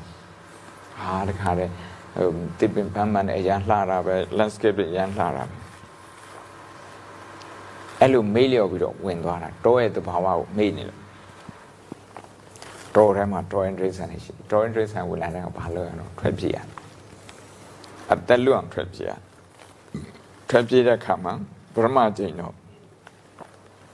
မြင်မြန်ဆန်းဆန်းပြေးနိုင်တယ်တတိလွတ်တဲ့ဟာကရှိမြဲရှိနေတဲ့ခါကျတော့တော်ထဲမှာရှိနေတဲ့အချိန်ထိုင်ပြီးတော့နားတာပဲဖြစ်ဖြစ်အဲ့ဒီအချိန်မှာဘယ်ကနေမှမသိဘူး torrent trace တကထပ်ပြီးတော့ပေါ်လာဘာလို့ရအောင်ခါထွက်ပြရတယ်ပထမတစ်ချိန်တော့မညံတော့ပြေး ပြန်ပြီးတော့ recover လုပ်တာလည်းပဲအချိန်ပိုယူအဲ့လိုတတိယအချိန်ပြေးရတယ်သရုတ်အချိန်ပြေးရတယ်ဆိုရင်ပြေးတဲ့နှုံးကနေသွားပြီးတော့ recover rate ကပို့ပြီးတော့ recover rate ကလည်းပို့ပြီးတော့နေသွားတယ်။ဒါဒီစားတာဒီ emotional life of your brain ဆိုအုတ်နောက်နဲ့ emotion နဲ့အဲသူတွေနာလောက်တဲ့ဟာတွေသူတို့အဒီလိုပြောတယ်။ ဗုဒ္ဓတရားတော်လည်းပဲဒါတွေအမြဲတမ်းပြောနေတာပဲ stress ဆိုတာတောကတို့ပရိဒီဝါတို့ဘာလို့လို့ပြောနေတဲ့ခါဆိုတော့ကိုကမဆက်ဆက်မိအောင်။ဟောဒါတွေ stress ကြောင့်ပြောနေတာ။တတိမထားမိလို့ဘာမှမဟုတ်တဲ့ဟာလေးနဲ့တခု stress ဖြစ်သွားရင် wild animal toy and trace တကောင် like ခံတယ်တူ အစည်းအဝေးမတက်ခင်တခါလေဟိုပြင်ဒီပြင်အဲ့အဲ့မှာကြရ toy and trace တစ်ချိန်တစ်ချိန် like ခံရရင်အစည်းအဝေးထဲမှာ toy and trace လိုက်ရင်ကြည့်ရတာလဲနှေးသွားပြီ recover ပြန်ဖြစ်တာလဲနှေးသွားပြီအစည်းအဝေးဖြစ်သည်အထိ recover မဖြစ်ဘူးဆိုရင်ဒီ discussion process ကိုသူ affect ဖြစ်ပါတယ် affect ဖြစ်ပါတယ်အဲအကြောင်း stress ကိုစိတ်ဖြစ်စီမှုကို tolerance လို့သဘောထားပါ အဲ့လိုဒီတောရမှာ battery ဆန်နေရှိရဆိုပြီးတော့တိတဲ့ပုဂ္ဂိုလ်ကြတော့ပြင်ဆင်ပြီးတော့ဝင်သွားတာသူဘာမှမဖြစ်ဘူးအာဖရိကကဒီ tolerance ဆန်အရန်တိတဲ့လူတွေကဘာလို့လဲဆိုတော့ဟိုချင်းသေးလေးနှကောင်သုံးကောင်ဒီသားတက်ပြီးတော့စားနေတဲ့အချိန်မှာတမင်ကိုစားနေတဲ့အချိန်မှာအဲ့တမင်တွေကိုတမင်မဟုတ်ဘူးအဲ့ချင်းသေးတွေကို တာနှင်းထုတ်ပြီးတော့သူတို့အသားအောက်ထောင်မှာလူယူနိုင်တဲ့ဟို dress ဒီဒီအာဖရိကကလူတွေရှိတယ်။ဘာနဲ့လှုပ်တာတော့တုတ်လေးနဲ့ပဲလှုပ်တာ documentary တွေထဲမှာရှိတယ်အဲ့ဒီရိစ္ဆာန်တွေကသူတို့ကိုဒီတိုင်းတက်တက်ကြည့်ရင်သူတို့ကဘာမှမလုပ်ရဘူးကြားလည်းဒီတိုင်းကြည့်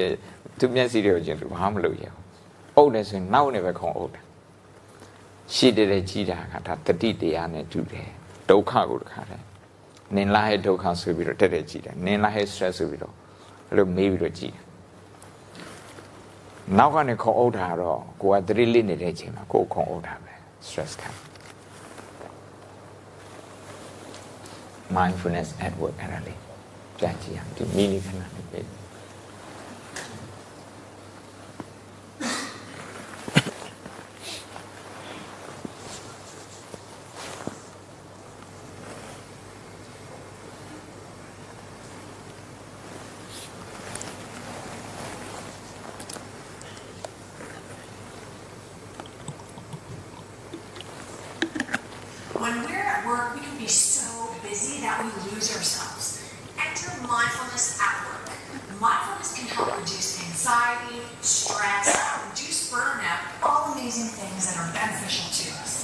In this video, I'm going to show you how to bring mindfulness at work. Mindfulness at work. And I'm not talking about meditation for 20 minutes. I'm talking about simple things that you can do from seconds to minutes so that you can be more mindful at work. Be sure to stick around to the end of this video where I'm going to give you a free resource where you can get some additional tips on how to be mindful at work. Hi, if you're new here, welcome. My name is Adriana Gertler. I'm a productivity specialist and I'm a graduate of the University of Toronto Applied Mindfulness Program and I'm a student of the Center of Mindfulness, which is run by Dr. John Kabat-Zinn from the University of Massachusetts. So on that note, let's dive into those tips so that you can be more mindful at work. Make mindfulness a habit at work. The key to making mindfulness a habit at work is to plan for it. We all have good intentions, but if we don't plan it in, it's never going to happen. So I have two really cool tips on how to help you with that. Tip one, mindful reminders. If you're going to make this a habit, you've got to remind yourself. You got to schedule it in. That's the plan. Right? So take a look at your calendar. Set in little breaks where you can stand up, perhaps go for a mindful walk. If you have devices that you can schedule in like a little bell to remind you, just please don't do something that's jarring. Do something really soft. Or I could never get, like my Apple Watch. There actually are apps in there that allows you and tells you when to stand up, and you can program that in. Even what's really cool, something that Thich Nhat Hanh does, which is a Vietnamese monk and a peace activist and very big into mindfulness, I highly recommend you check him out, is whenever the phone rings, take some deep breaths. Anytime that there's some sort of bell or reminder is your time to take a mindful moment. Tip two, be mindful whenever you open up a door. So whenever you open a door, open it up with purpose. Really think about letting go or focusing and being laser beamed, but just don't be scattered. Take a moment, slow down, and walk through with purpose. Now, if there are tons of people around you, you can say, Adriana, how can I do that? Quite easily, why don't you be the person that actually opens the door for everybody? Not only is it polite, they're going to thank you for it, but it's going to give you that extra time you need to really focus inward and be mindful before you yourself walk through the threshold. Let me know in the comments below if you plan on using the tip next time you walk through the door. Overcoming self-doubt. It's really easy at work to have bad days, right? Our boss could have dumped on us. Perhaps something didn't go the way it was planned. And you know what? We're just not having that great, awesome day. Mindfulness is amazing because it really helps us. It helps us to reevaluate what is going on around us. Amazing when we really need to move forward and ensure that we're doing the right things. So there's two core things mindfulness that are really helpful. The first one is it really brings about a positive mindset. So if you can take mindfulness techniques, and one of them is to visualize, close your eyes and visualize all the great things that you have done in the past. Just don't focus on the negative. That is a grounding technique that just brings about and reminds you that it's not all that bad. But the number two part, which is just as important, is that it gives you insights. It allows you to take a look at what really happened in that situation. Can I learn from it? Is there anything that is directly from me that I have to change? Or is it perhaps people around me and I just shouldn't take it on personally because that's how they're feeling? The cool thing with mindfulness is it teaches you not to judge. It teaches you how to look at things and to analyze them with discernment so you don't take it on, which becomes just more issues. So let it go, don't judge it, put on a positive mindset. It really does work.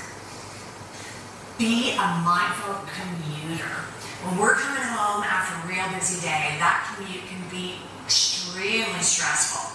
So one thing with mindfulness that it teaches us is not to hold on to those moments for long periods of time, particularly when we're going home. We really want to be able to put things away. So if you are commuting and you happen to be on public transit, like a train or a bus or a subway, whatever that may be, guess what? Those earbuds that we all have are an awesome way to get connected to either some sort of um, apps that are out there uh, in order to help do a meditation during that commute, which is pretty cool. And if you're driving, please do not meditate, all right? Safety is important. But what a wonderful opportunity to take a look at, or I should say, listen to some audio books which are on mindfulness and some techniques or just self-improvement, or a podcast that you really enjoy that is going to teach you all about mindfulness techniques. Great way to de-stress on that busy commute coming home. As promised, I have for you a free download of some additional mindful tips that you can bring to work. So please go to the link below and download your free copy of these tips. Please subscribe to my channel, like this video, and share with all the professionals that you know. Now it's your turn to share. Can you please let me know what mindfulness tips you plan on bringing to work in the comments below. Until the next video, see you later. ဒါဒီ YouTube ကနေယူလာတာနော်အာဖုန်းဘာ investment မှမရှိပါဘူးဒီအတွက်လေသူများလှုပ်ထားတယ်အများကြီးပဲဒါဒီနေ့မှစပြတာသူရဲ့သူပြောတဲ့ဟာလေး tip လေးကိုနမူနာဖြစ်ပြန်ပြောပြရရင်နံပါတ်1က reminder လုပ်ထားပါ reminder လုပ်ထားပါဆိုခါတဲ့ telephone ထဲမှာဥပမာတနားကိုတစ်ချိန်တနားကိုတစ်ချိန် ringtone လေးအဲလှုပ်ထားမယ်ဆိုရင်ပေါ့နော်အဲတနားတစ်ချိန်မဟုတ်နဲ့နိုင်ဝက်တစ်ချိန်အမ်ထားပြအောင်ထားထိုင်ပြီးတော့လှုပ်လှုပ်နေဆိုရင်အဲ့ဒါအဲကိုယ့်အကို30 second လောက်မိနစ်ဝက်လောက်အချိန်လေးပြီးတော့ထား ရေတောက်တဲ့ခါမှာထားပြီးတော့တောက်တာကိုယ့်အကိုလှုပ်လှုပ်ဆိုရင်ထားပြီးတော့တောက်တာအဲ့ဒါဆိုရင် तू ကဟိုခန္ဓာကိုယ်အတွက်ရောစိတ်အတွက်ရောကောင်းသွားတယ် stress ဖြစ်သွားတာပေါ့နော်ဟိုဟိုဟိုဟို number stretch လုပ်တယ်ဆိုတာကို exercise လေးရသွားတာပေါ့အဲ့ဒီအချိန်မှာအနာလေးရသွားတယ်နောက်တစ်ခုကအသက်ရှူတာခဏခဏဒီလိုဝဝလင်းလင်းအသက်ရှူဖို့မမေ့နဲ့လုပ်ငန်းခွင်ထဲမှာဆိုအသက်ရှူဖို့မေ့နေ မမှန်ကန်အသက်ရှူဖို့မေ့အဲ့တော့15မိနစ်တစ်ချိန်လှုပ်ထားမလားနိုင်ဝက်တစ်ချိန်လှုပ်ထားမလားအဲ့ reminder လေးလှုပ်ထားပြီးတော့ဝင်နေထွက်လေနှစ်ချိန်ဆိုတော့နှစ်ချိန်သုံးချိန်ဆိုသုံးချိန်အဲ့လိုရှူရင်အဲ့ဒါ on off function နဲ့နေရာမှာဘာဖြစ်တယ်အဲအထောက်အကူဖြစ်တယ်နောက်တစ်ခုကတော့ purpose ကိုယ့်ရည်ရွယ်ချက်ဒီကနေပြီးတော့အမ် ဓာတ်လေကားကိုရှောက်တယ်ဒီခန္ဓာကိုဥမာဘုံတို့ဆိုတွေးလေကောင်းဖို့အတွက် exercise လုပ်ဖို့အတွက်လမ်းလျှောက်ပါတယ်ခန္ဓာကိုကရုဏာထားပြီးလမ်းလျှောက်တယ်အဲ့ဒါ purpose ဖြစ်သွားတာရွေချက်ဖြစ်သွားတယ်ရွေချက်ရှိသွားတာပေါ့ဒီနေ့ဒီနေ့ကိုဟို app လေးတွေရှိတယ်မလားခြေလမ်းဘယ်လောက်လိုတယ်ဆိုတာလေ အဲဒါလေးတွေကကို purpose လုပ်ထားတယ်ဆိုရင်ဟိုလျှောက်ဒီရှားလျှောက်ရတာဟိုဖြစ်ဒီဒီရွေချက်နဲ့ဖြစ်နေတရားထိုင်နေဆိုတာကအဲမိနစ်တိုင်းမိနစ်တိုင်းစက္ကန့်နဲ့စက္ကန့်တိုင်းမှာရွေချက်ရှိဖို့ပြောတာနော်အမ်သူပြောတာသူကတော့တကားဖွင့်တာတို့ဘာတို့တကားဖွင့်နေဆိုတာအပြင်နဲ့အတွင်းနဲ့ဆက်ဆံရေးလုပ်လိုက်တာ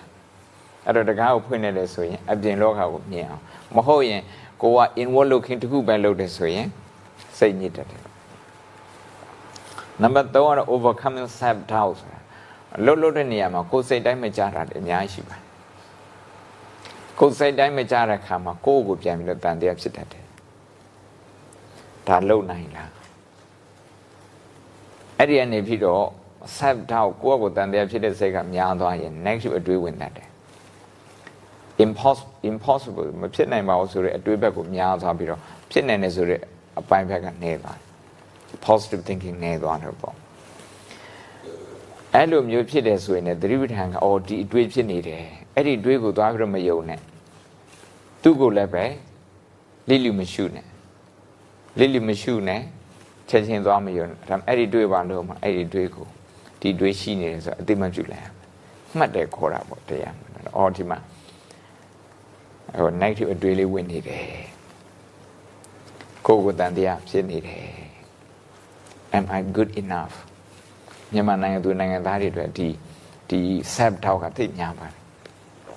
သူများတော့မကောင်းဘူးဘာညာဒီလိုဟိုသုံးတဲ့ပစ္စည်းလည်းနိုင်ငံခြားနေတွင်းနာများကဆိုနိုင်ငံခြားပစ္စည်းမှာပိုကောင်းလို့စိတ်ထဲမှာအဲ့လို default ဖြစ်နေတာပြောဖြစ်နေတာဒီနေရာမှာပြောမယ်ဆိုရင် inferiority complex ကိုနေရပေါ့တနင်္ဂနွေလုံးနေနေအဲ့လိုဖြစ်တဲ့ခါကျတော့ ဘုန်းတို့မှာဒီ self doubt ကိုယ့်အကိုတန်တရားဖြစ်တဲ့ဟာဒီစိတ်ကိုတတိနဲ့ကြီးလိုက်ရမယ်သူအားမကောင်း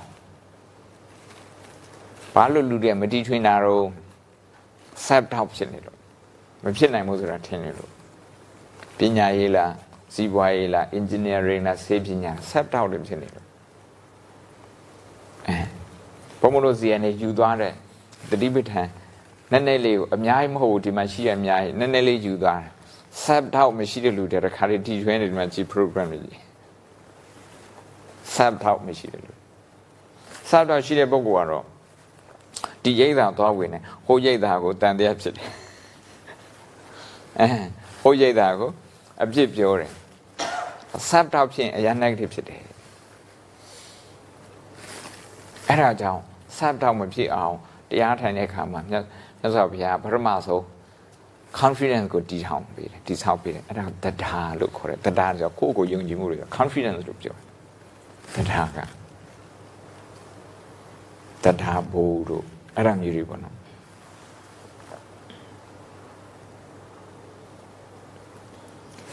self doubt ကိုသွားပြီးတော့သတိမထားမိရင်သူကအင်္ဂလိပ် ruminate ဖြစ်တယ်လို့ခေါ်တယ် ruminate ဖြစ်တယ်ဆိုတာကသူ့အတူစမယုံပြန်နေတာပေါ့ သွားပြီးတော့ယုံလိုက်တာ self doubt ကိုသွားယုံလိုက်တာယုံပြီးတော့သူ့ကို repeat လုပ်နေတယ်အဲ့ဒါ subconscious mind ရဲ့လို့အဲကြောင့်သတိသတိပဋ္ဌာန်လုပ်ရင်ဒီရတယ်မဖြစ်နိုင်ဘူးအဲ့တော့ကိုယ့်ကိုစာရတော့ self doubt ဖြစ်တယ်ဆိုရင်အဲ self doubt ကိုအတိမပြုရဒီဟာလေးဖြစ်နေတယ်ပြီးရင်ကောင်းတာပြန်တွေး positive thinking ပြန်ဝင်လာတယ်ငါလုံးနိုင်တယ်ငါတော့လုံးနိုင်ငါလုံးနိုင် ဘုံဘုံ၄၅ချိန်တရားထဲမှာထဲဟောပြီးပါပြီဒီကညမဖော်လုံးလက်ရွစင်ဒုတိယရတာလေတနိုင်ငံလုံးဝိုင်းဆဲတယ်ရှုံးနေကျွန်တော်အင်ဒိုနီးရှားကိုရှုံးနေနေတော့ Facebook ပေါ်မှာဝိုင်းဆဲဆယ်နိုင်ငံမှာဒုတိယရတယ်ဆိုတာဒါကိုအောက်မှာ၈နိုင်ငံရှိတယ်အဲ့ကောင်းတဲ့ဟာဟိုကြည့်ရင်နံပါတ်2ရတယ်ဆိုတာဒီအောက်ကိုအောက်မှာ ရှစ်ရှစ်သိန်းရှိတယ်အဲ့ဒါကြည့်ရင်က positive အတွေးဝင်တယ်အခုကျတော့အပေါ်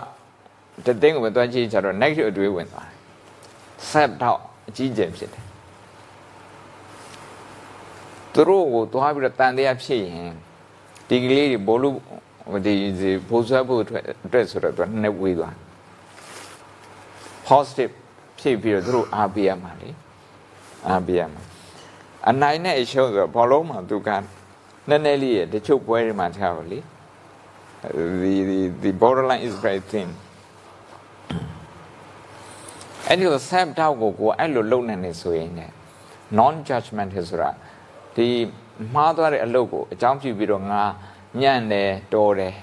အဲ့ဒီ judgment တွေဖြစ်တဲ့အကောင်းဆုံးဝေဖန်တဲ့ဟာမရှိဘဲနဲ့ကိုယ့်ကိုပြန်ပြီးတော့ဝေဖန်သုံးသပ်နိုင်တယ် insight ဆိုတော့သူပြောတယ်နောက်ဆုံးကတော့ လူတိုင်းလူတိုင်းအလုံးနဲ့အိမ်နဲ့ကတော့ဖုံးရလွယ်လို့ဖုံးရတော့နေတဲ့နေရာမှာလွတ်လို့တာဟုတ်တယ်မလားဟိုဖုံးဖုံးလို့ဓမ္မရိကလုတ်တယ်ဆိုရင်တော့အများကြီး commute တော့ရတယ်ခီးသွားရတယ်ဓမ္မရိကဆရာတော်တွေခီးသွားဒီကူဆရာတော်တချို့ရက်တွေမှာတဲ့မကွေးမှာညတရားဟောပြီးရင်မကွေးဟောပြီးတာနဲ့မကွေးကိုမကွေးမို့စကိုင်းကိုညရင်းချင်းပြန်တယ်အဲ့လို commute လုတ်တာလုတ်တာတော့ဓမ္မရိကတွေပေါ့ လူတွေကတော့အများအားခွင့်ပြုလို့ရတယ်နေတိုင်းလို့ရတယ်အဲ့လို့တဲ့အထက်မှာ stress တွေရှိတယ်အဲ့ stress တွေနေအောင်ဆိုအော်ဒါမျိုး stress တွေများတတ်တယ် any type of stress တွေများတတ်တယ်ကိုယ့် stress ကိုအတိမပြုလိုက်ပြီးရင်ကားဆရာဘတ်ကားစီးရဆိုရင်ဘတ်ကားမောင်းတဲ့လူရဲ့ stress ကိုကားကိုစီးရဆိုရင်ကားကိုကားမောင်းတဲ့ခါဖြစ်တဲ့ stress က driver နဲ့ဆိုရင်ကို driver stress အဲ့ဒါလေးကိုကြည့်လိုက်နောက်ပြီးရင်ကိုနဲ့မပတ်သက်တဲ့လူတွေသူတို့ stress ကိုခဏတော့ပြောတဲ့၄ခုကိုကိုကိုနောက်ပြီးတော့ကိုနဲ့ရင်းနှီးတဲ့အဲပုဂ္ဂိုလ်နောက်ပြီးတော့နံပါတ်3ကကိုနဲ့ဆက်ဆက်ပြီးတော့လုံးတဲ့ပုဂ္ဂိုလ်နံပါတ်4ကအပြင်ကပုဂ္ဂိုလ်သူတို့ရဲ့ stress ကိုတွေးလိုက်နမနေ့တော့ပဲကြာမယ်ဒီနေ့3မိနစ်တော့ပဲကြာမယ်အဲ့ဒီနေ့ stress နေလိမ့်မယ်အိမ်ပြန်ကနီးမှအဲ့တိုင်းပဲကိုယ့်အကို1မိနစ်2မိနစ် stress အကြောင်းတွေးလိုက်ဒီများ stress ကိုယ် stress နဲ့သူများ stress ကြောင့်တွေးလိုက်အဲ့လိုတွေးလိုက်တဲ့ဆိုရင်အင်ဂျင်တဲ့နေရာမှာကားကြပ်ပေမဲ့ကိုယ်စိတ်ကဘာမှဖြစ်ဘူးဟိုစိတ်ဖိစုအသိမဖြစ်စိတ်ဖိစုများတဲ့လူတွေကဆုံးဖြတ်ချက်မှားတယ်ဟိုဟိုလိန်နဲ့ဝင်လိုက်ဒီလိန်နဲ့ဝင်လိုက်သူ့ကြောင့်ကားတွေပိုချက်တာ အဲ့လိုဆုံးဖြတ်ချက်မှားတဲ့ driver တွေကြောင့်သူတို့ stress ကိုမကင်တွယ်နေတာလေကဲအခုနောက်ဆုံးကတော့မုဒိတာဒီနေ့အောင်မြင်မှုအကြောင်းတွေးကြမယ်အောင်မြင်မှုအကြောင်းတွေးကြဘုံမလို့တရားထိုင်တဲ့ကသူခုနောက်ဆုံးချိန်ထိုင်တဲ့အခါမှာဟိုငယ်တော့ကကြောင်းတက်ခဲ့တက်ခဲ့တဲ့ခြံစားပြီးတော့ကိုစူးစမ်းခဲ့တာတွေလုပ်ငန်းခွင်မှာစူးစမ်းခဲ့တာတွေတစ်ခုပြီးတစ်ခုစူးစမ်းခဲ့တာတွေအောင်မြင်တာတွေပဲတွေးပါ အောင်မြင်တာတွေတွေးပါဘုံမရေးထားတဲ့ပျော်နိုင်ပိုင်းနဲ့ပျော်ဖို့မေ့နေသူများစာအုပ်ထဲမှာ80-20 theory တွေထည့်ထား80-20 theory ဆရာကြီးတို့ကအရန်ဟိုဖြစ်ပါတယ်ဟို expert 80-20 theory စာအုပ်တအုပ်ရှိတယ်ဒီဟာကိုနီးမျိုးမျိုးနဲ့အဓိပ္ပာယ်ဘာသာပြန်တာလေဒီနေရာမှာကျတော့ positive နဲ့ negative thinking ရှုထောင်းနေပြီးတော့ဘာသာပြန်ဘဝမှာအစဉ်ပြေတာ80ခန်းတော့ရှိပါတယ် စမပြေတာ100ခန်းတော့ရှိတယ်၅ခုလုပ်ရင်၄ခုကအစင်ချောတယ်တစ်ခုကတော့အထင်ငေါ်တွေများတယ်အဲ့ဒီအထင်ငေါ်များတဲ့20ရာခိုင်နှုန်းကိုအချိန်နဲ့ energy 80ရာခိုင်နှုန်းအသုံးပြုပြီးတော့သွားတွေးပါတယ်လေးစားဖို့တွေးအစင်ပြေတဲ့80ရာခိုင်နှုန်းချတော့20ရာခိုင်နှုန်းပဲသွားအချိန်နဲ့ energy အသုံးပြုတော့သွားတွေးဖြစ်တယ်သူကြတော့ ၄ရာခိုင်နှုန်းရှော့ပြီးတော့တွေးတယ်စတာထွက်ကြရကွာ၈ရာခိုင်နှုန်းကွာပါတယ်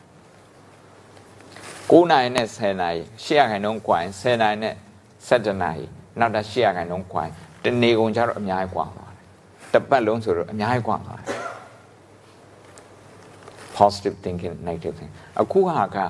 မရှိတဲ့အရာတွေကိုရှောက်တွေးခိုင်းနေတာမဟုတ်ဘူးယန္တနာကိုလိလူရှုခိုင်းနေတာမဟုတ်ဘူး ပြဿနာကိုစိတ်ကအလိုလျောက်ရောက်သွားတယ်ဒါပေမဲ့အဲကို balance ဖြစ်အောင်ပါတွေးခိုင်းတာဆိုကိုယ်မှာရှိတဲ့ strength strength and weakness opportunity and challenges ဟိုတဲ့လေဟို business analysis ဆိုင်ဒီအရင်တင်နေတာအဖုံးမောတော့အဲ့ဟာကို strategy first မှာသစ္စာလေးပါးနဲ့သွားပြီးတော့အဲဟောရတာရှိတယ်နော် သစ္စာလေးပါးသူကအဲ့ဒါပဲအဲ့လေးခုပဲအဲ့တော့အခုကဘာတွေးခိုင်းတာတော့ဆိုအမြင်မှုအရာတွေတခုပြီးတခုတွေးနောက်တခုထပ်တွေးနောက်တခုထပ်တွေးတချို့ကတချို့ကအခန်းထဲမှာလေဒီခါရဲအောင်လက်မှတ်တွေအများကြီးပဲအမြင်မှုတွေအများကြီးပဲတခါတည်းလူကြီးလူကောင်းတွေနဲ့ဟိုဓာတ်ပုံရိုက်ထားတဲ့အများပဲဒါမဲ့အဲ့ဒီအခန်းထဲမှာထိုင်ပြီးတော့ဆင်ញစ် အဲ့ဒီအောင်လက်မှတ်တွေဓာတ်ပုံတွေ effect ကဘာမှမရှိဘူးဘာမှမရှိဘူးတချို့နိုင်ငံတွေမှာဘုံဘုံအိမ်သွားပြီးတော့ဟိုဒီလိုတရားပြ counseling လုပ်ရတဲ့အိမ်တွေဆိုရင်ခါအိမ်ဟာမိသားစုစုပေါင်းလိုက်ရင်ဒီလောက်နိုင်ရန်ကြီးတွေထားစရာနေရာ certificate မရှိတော့ certificate တကယ် Royal College ဘာလဲအဲ့ဒါမျိုးကြီးပဲအောက်မှာနေပြီးတော့ emotionally struggle ဖြစ်နေတာ ဘာဖြစ်လို့လဲဆိုတော့အဲ့ဒီအောင်လက်မှတ်တွေနဲ့သူက connection မရတော့အ connection ပြန်ယူခိုင်းတယ်ဒီ connection ကကိုယ် connection နဲ့ပဲကိုယ်ယူထားတယ်ဆိုရင်တရားကအာမကောင်းဘူးအာမကောင်းဘူး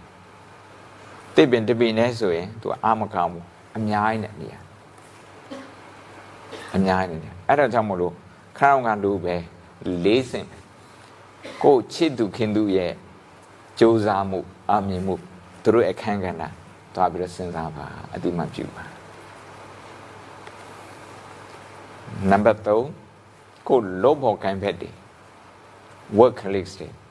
သူတို့ရဲ့ကြိုးစားမှုသူတို့ရဲ့အည်အသွေးအဲ့ဒါတွေသွားတွေးပြီးတော့စိတ်ထဲမှာမူတည်တာဖြစ်ပါနံပါတ်3ကျတော့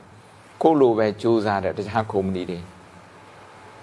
တခြားမိသားစုတွေသူတို့ကြောင့်သွားတွေးပြီးတော့စိတ်ထဲမှာမူတည်တာဖြစ်ပါအဲ့လိုဖြစ်တဲ့ဆိုရင်ခိုင်းကြရင်ဒီဒီဒီဒီဗီဒီယိုကလစ်ကြည့်မှာ hard wiring happiness တဲ့ပျော်ရွှင်မှုကိုဟာအုံနောက်ထဲမှာ hard wire တန်မိုးနဲ့ရိုက်ထားတဲ့ပြောမှာပေါ့မြန်မာစကားရိုးရိုးစကားနဲ့ပြောရင်တော့အုံနောက်ကသူက neural connection တွေရှိတယ်လေအဲ့ဒီ neural connection ကိုကဘာရွေးမှာတော့ negative ဖြစ်တဲ့ neural connection လား positive ဖြစ်တဲ့ neural connection ကိုလက်ထက်မှာရှိတာအတ္တဤအတ္တနောနာတော့ကိုလက်ထက်မှာရှိတယ်အခုဟာက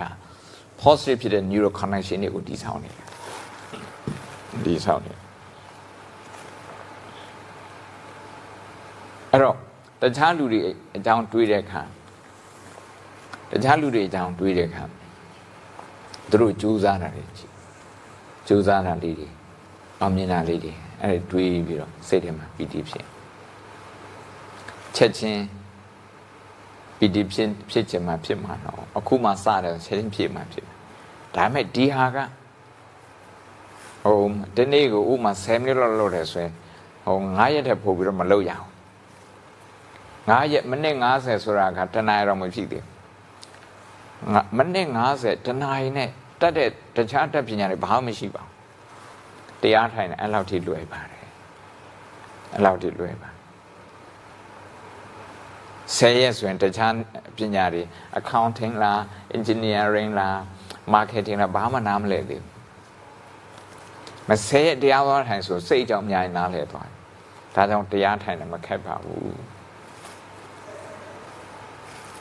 အဲ့ဒါလေးလောက်ကြပါအထူးသဖြင့်လုပ်ငန်းခွင်မှာလောက်ကြပါဘုံအဲ့ဒါလေးတိုက်တွန်းခြင်း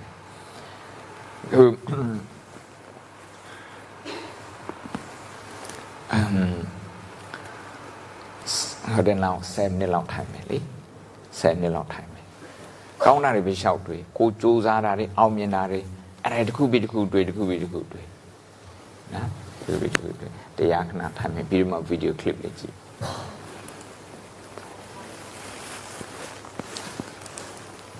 မုဒိတာတရားထိုင်မယ် ပထမဆုံးဝင်နေထွက်လေသုံးချိန်တော့ချမ်းချမ်းနာနာရှုရှိုက်ပါ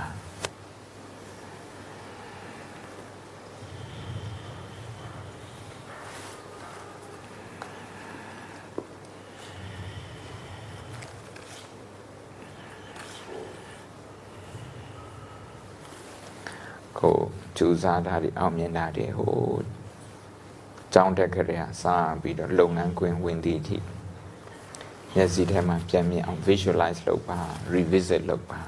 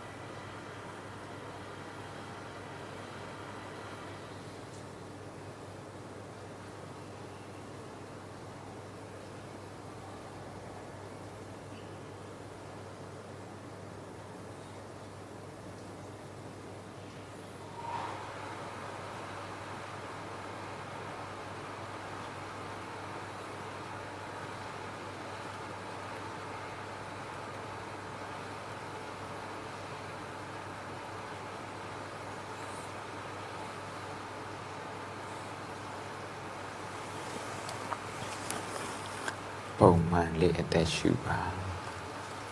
အသက်ရှူပါတွေးနေရင်လည်းမုဒိတာအကြောင်းတွေးနေရင်လည်းအသက်လည်းပုံမှန်လေးရှူပချိုက်ပေးပါ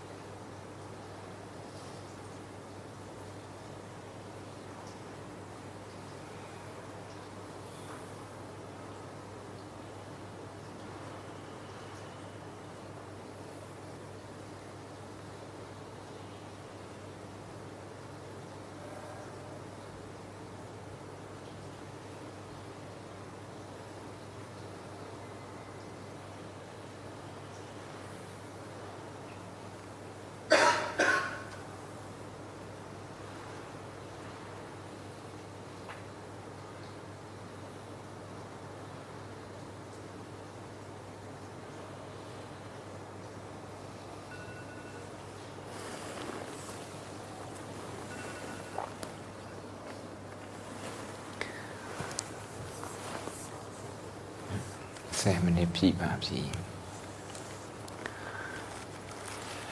ဗီဒီယိုကလစ်ကြည့်မဲ့စာဘုံဘုံမေခွန်မေးစေချင်တယ်ဗီဒီယိုကလစ်ကိုတော့ပေးထားခဲ့မယ်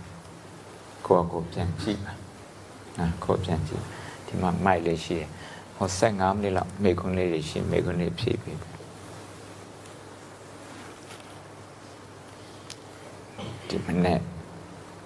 အမ် လေ့ကျင့်ရတဲ့ပတ်သက်ပြီးတော့ connection ယူတယ်ဆိုတာ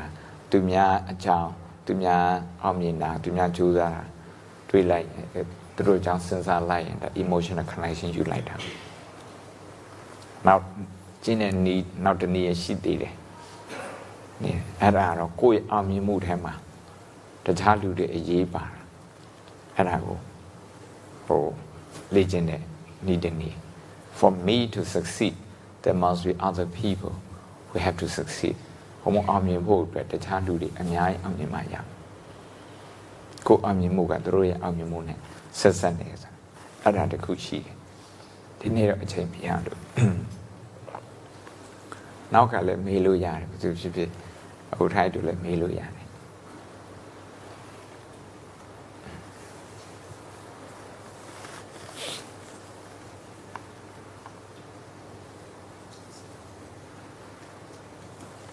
မေးရင်မိုက်ခရိုဖုန်းလှမ်းတော့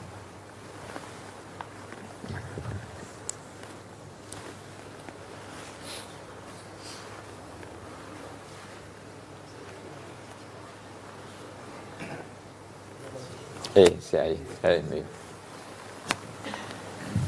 ကိစ္စပါဒီတော့ EQ လေးလာတယ်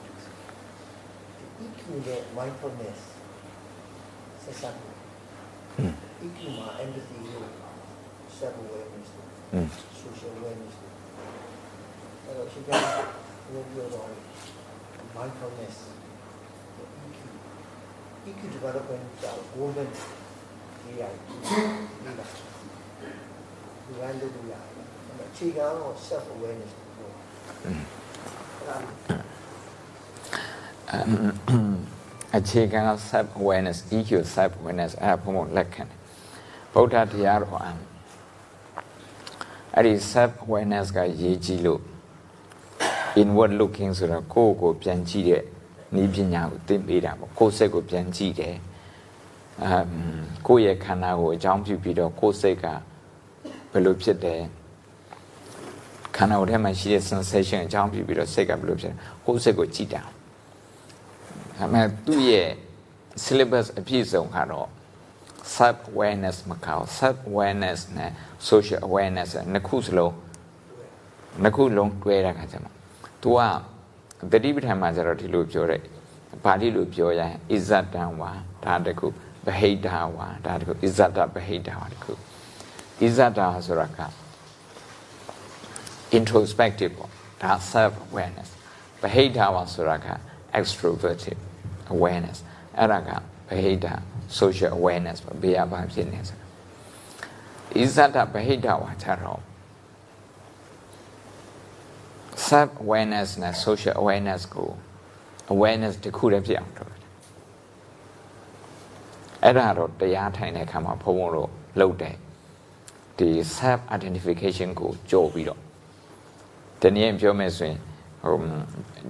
non judgmental mindfulness ဆိုတာက အတွေ့အကြုံတစ်ခုဖြစ်လာဆိုအဲ့ဒီအတွေ့အကြုံထဲမှာနင်းနဲ့ငါနဲ့အဲ့လိုသွားထည့်တဲ့ဟာမျိုးအဲ့ဒါကိုကြော်လိုက်တယ်ကြော်လိုက်ရင်ဘာပဲကြံတော့ဆိုတော့ phenomenology ဆိုတာကဒီဒီ element ပဲကြံတော့တယ်အတွေ့အကြုံပဲကြံတော့တယ်ဒီအတွေ့အကြုံကဗမာလည်းတူတူပဲ American လည်းဒီတိုင်းပဲတရုတ်လည်းဒီတိုင်းပဲနေမကောင်းလို့ဆိုရင်လူတိုင်းဟာဖြစ်တယ်အဲ့ဒါကြတော့ universalization လို့လည်းခေါ်မယ် um common humanity လို့လည်းဒီ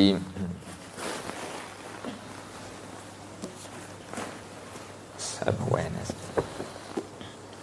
ဒီဆီယာမရတော့ဗုဒ္ဓတရားတော် psychology ကိုတွဲပြီးတော့ထားတာသူကတော့အဲ common humanity လို့သုံးတယ် common humanity ဆိုတာက self awareness နဲ့ other awareness ဒီနှစ်ခုတွဲတဲ့အခါမှာသူက commonality ကို identify လုပ်ပြီးတော့ နေရာတိုင်းမှာဟိုတူတာတွေကိုမြင်တာမြင်တဲ့ခါကျတော့သူတို့ကိုထင်ကြီးပြီးတော့ကိုယ်ထင်သေးတာမျိုးကိုယ်ထင်ကြီးပြီးတော့သူတို့ထင်သေးတာမျိုးအဲ့ဒါမျိုးမဖြစ်တော့မဖြစ်တဲ့ခါကျမှဥဆောင်တဲ့ပုဂ္ဂိုလ်ကလည်းသူကကောင်းကောင်းဥဆောင်နိုင်အများနဲ့ communicate လုပ်တဲ့ပုဂ္ဂိုလ်ကကောင်းကောင်းလုပ်နိုင်တနည်းအားဖြင့်ပြောမယ်တနည်းအားဖြင့်ပြောမယ်ဆိုရင်ဘုံဘုံကကုမ္ပဏီတစ်ခုဆရာရကုမ္ပဏီတစ်ခုဆိုရင်ဆရာရဲ့ aspiration ကိုဘုံဘုံရဲ့ aspiration နဲ့ listen ကြည့်ရတဲ့အခါမှာလုံးဝနားလည်တယ်နားလည်တဲ့အခါကျတော့ when i discuss with you i only think about win win situation တွေ့တဲ့အခါမှာဆရာကြီးလည်းအဆင်ပြေဖုံးနေဆိုရင် win situation ပဲလို့တဲ့အခါကျတော့သူကဟိုဟို EQ နဲ့ management မှာအရင်ကောင်းသွားတာပေါ့အဲ့တော့ဆက်ဆက်တယ်လို့ပြောတော့ EQ မှာနောက်ဆုံးကတော့ relationship management ဟုတ်တယ်အမ်တရားရှုထောင့်နေဘုံပြောရရင်သူကစီနှလုံးရှိပါတယ်ပထမစီတစ်လုံးက communication ဒုတိယစီတစ်လုံးက comprehension comprehension ပထမစီတစ်လုံးကတတိလို့ခေါ်တယ်ပါဠိလိုခေါ်နော်ကျမ်းစာထဲမှာဖတ်တယ်တတိလို့ခေါ်ဒုတိယကျတော့တံပဇင်လို့ခေါ်တယ်ပညာခေါ်တာပေါ့တံပဇင်ညဆိုတော့ပညာပေါ့အဲ့တော့ ဟို technical term သုံးရင်တော့ awareness and wisdom ခေါ်တာပေါ့အဲ့ဒီဟာကိုဟိုကပြဆန်းဆန်းပြောရင်တော့ communication and comprehension စီနှလုံးပြောလိုက်တာပေါ့ဒါသတိပဋ္ဌာန်ရဲ့အဓိကကြတဲ့ instrument တစ်ခုပါ process တိုင်းမှာဒီစီနှလုံးကိုသုံးပါတယ်အဲ့တော့ comprehension ဆိုတာဟို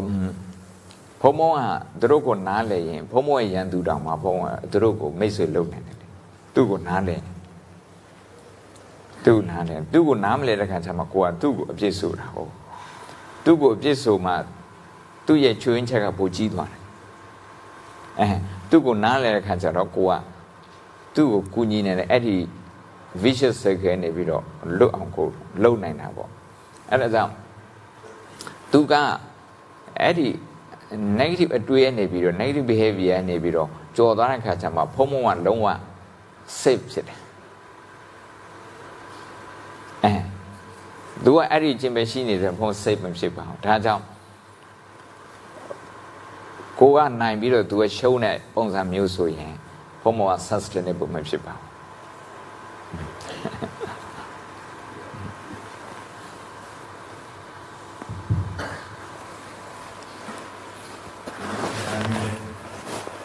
ဆရာတို့ကဟောကြားတဲ့အတွက်ကြောင့်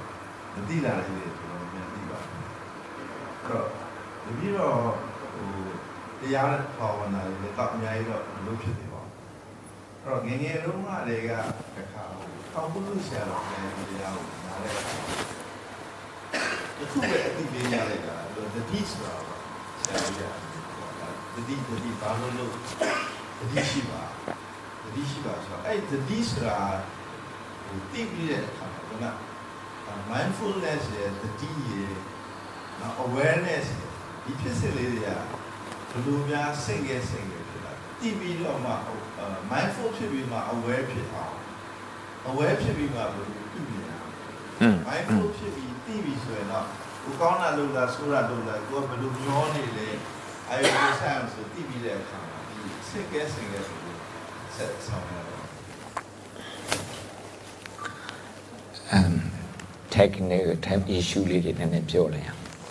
တတိကိုဘာသာပြန်တဲ့နေရာမှာ awareness လို့လည်းဘာသာပြန်တယ် mindfulness လို့လည်းဘာသာပြန်တယ်အဲအဲ့လိုပြန်တယ်ပြန်တဲ့ခါကျတော့သူကတခုတည်းလို့ပဲယူဆကြရအောင်နော် mindfulness နဲ့ awareness တခုတည်းလို့ယူဆမယ်ဆိုရင် um ဘုံမောက um အစိတ်ထဲမှာ tension ဖြစ်နေတယ်ဆိုတာကိုတတိလေးချမ်းမိရင် အစည်းအဝေးတက်တော့မယ်စိတ်ထဲမှာ tense ဖြစ်နေတယ်အဲ့ဒီဟာကိုတတိဖြစ်မိတယ်တတိကပ်မိတတိလေးနဲ့ကြည်နေတယ်တတိနဲ့ကြည်တဲ့အခါမှာ survival instinct ကဝင်လာပြီးတော့ငါဒီလိုဖြစ်တာဘယ်သူကြောင့်ဆိုပြီးတော့အပြစ်တင်တတ်တဲ့အကျင့်မျိုးဖြစ်တတ်တယ်ဘယ်သူကဟိုအစည်းအဝေးအတွက်ချက်ချနာနာပြင်ဆင်မထားလို့ ဒါမှမဟုတ်ကိုယ့်ကိုအပြစ်တင်ပြီးတော့ငါ the preparation မလုပ်ထားမိလို့အဲ့ဒါကအကျင့်ပဲအဲ့ဒါက habit ပဲနော် habit အဲ့ဒီ habit ကိုလည်းပဲ तू ကတတိသွားထားမိတာတကယ်လို့တတိထားမိတယ်ဆိုရင်အဲ့ဒီ habit ကဟိုမြတ်စွာဘုရားပြောတာတော့တကယ်လို့တတိကအားကောင်းရင်တော့ခဏလေးနဲ့ तू ကပြန်ပြီးတော့ပျောက်သွားတယ် impact မရှိဘူးပေါ့အစည်းအဝေးတက်တဲ့အချိန်မှာဘုံဘုံရဲ့ decision process analysis process တွေမှာ तू ကလာပြီးတော့ dominate မဖြစ်ဘူး သူ့ကိုတတိမဖြစ်ဘူးဆိုရင်တော့အစည်းအဝေးထဲမှာဘုံဘုံကတရားရောက်ကိုအမြဲတမ်းအစဆုံးအပြစ်တင်နေမှာပြောတဲ့ခါတော့မှအပြစ်တင်နေလေတံပိုင်းပါပါအဲ့ဒီလိုအပြစ်တင်တဲ့လေအပြစ်တင်တဲ့အတွေးနဲ့ဆိုရင်အဲ့ဒီအစည်းအဝေးတွေမှာဘုံဘုံရဲ့ thinking process က balance မဖြစ်ပါဘူး balance မဖြစ်ဘူးဟို negativity bias ဖြစ်နေတာပေါ့နောက်ပြီးတော့ဒီ executive brain center လေ 100%အလုံးမလုပ်ဘူးနောက်ကအောက်နောက်စီသွားလိုက်ရှေ့အောက်နောက်စီလာလိုက် to and fro အဲ့လိုဖြစ်နေတာတတိဖြစ်တယ်အတတိဖြစ်တယ်ဆိုရင်တဲ့အတွေး emotion တခုအတိဟိုနေ um awareness ဖြစ်တယ်ဆိုရင် emotion တခုကဒါတော့မြတ်စွာဘုရားလာဟိုဉာဏ်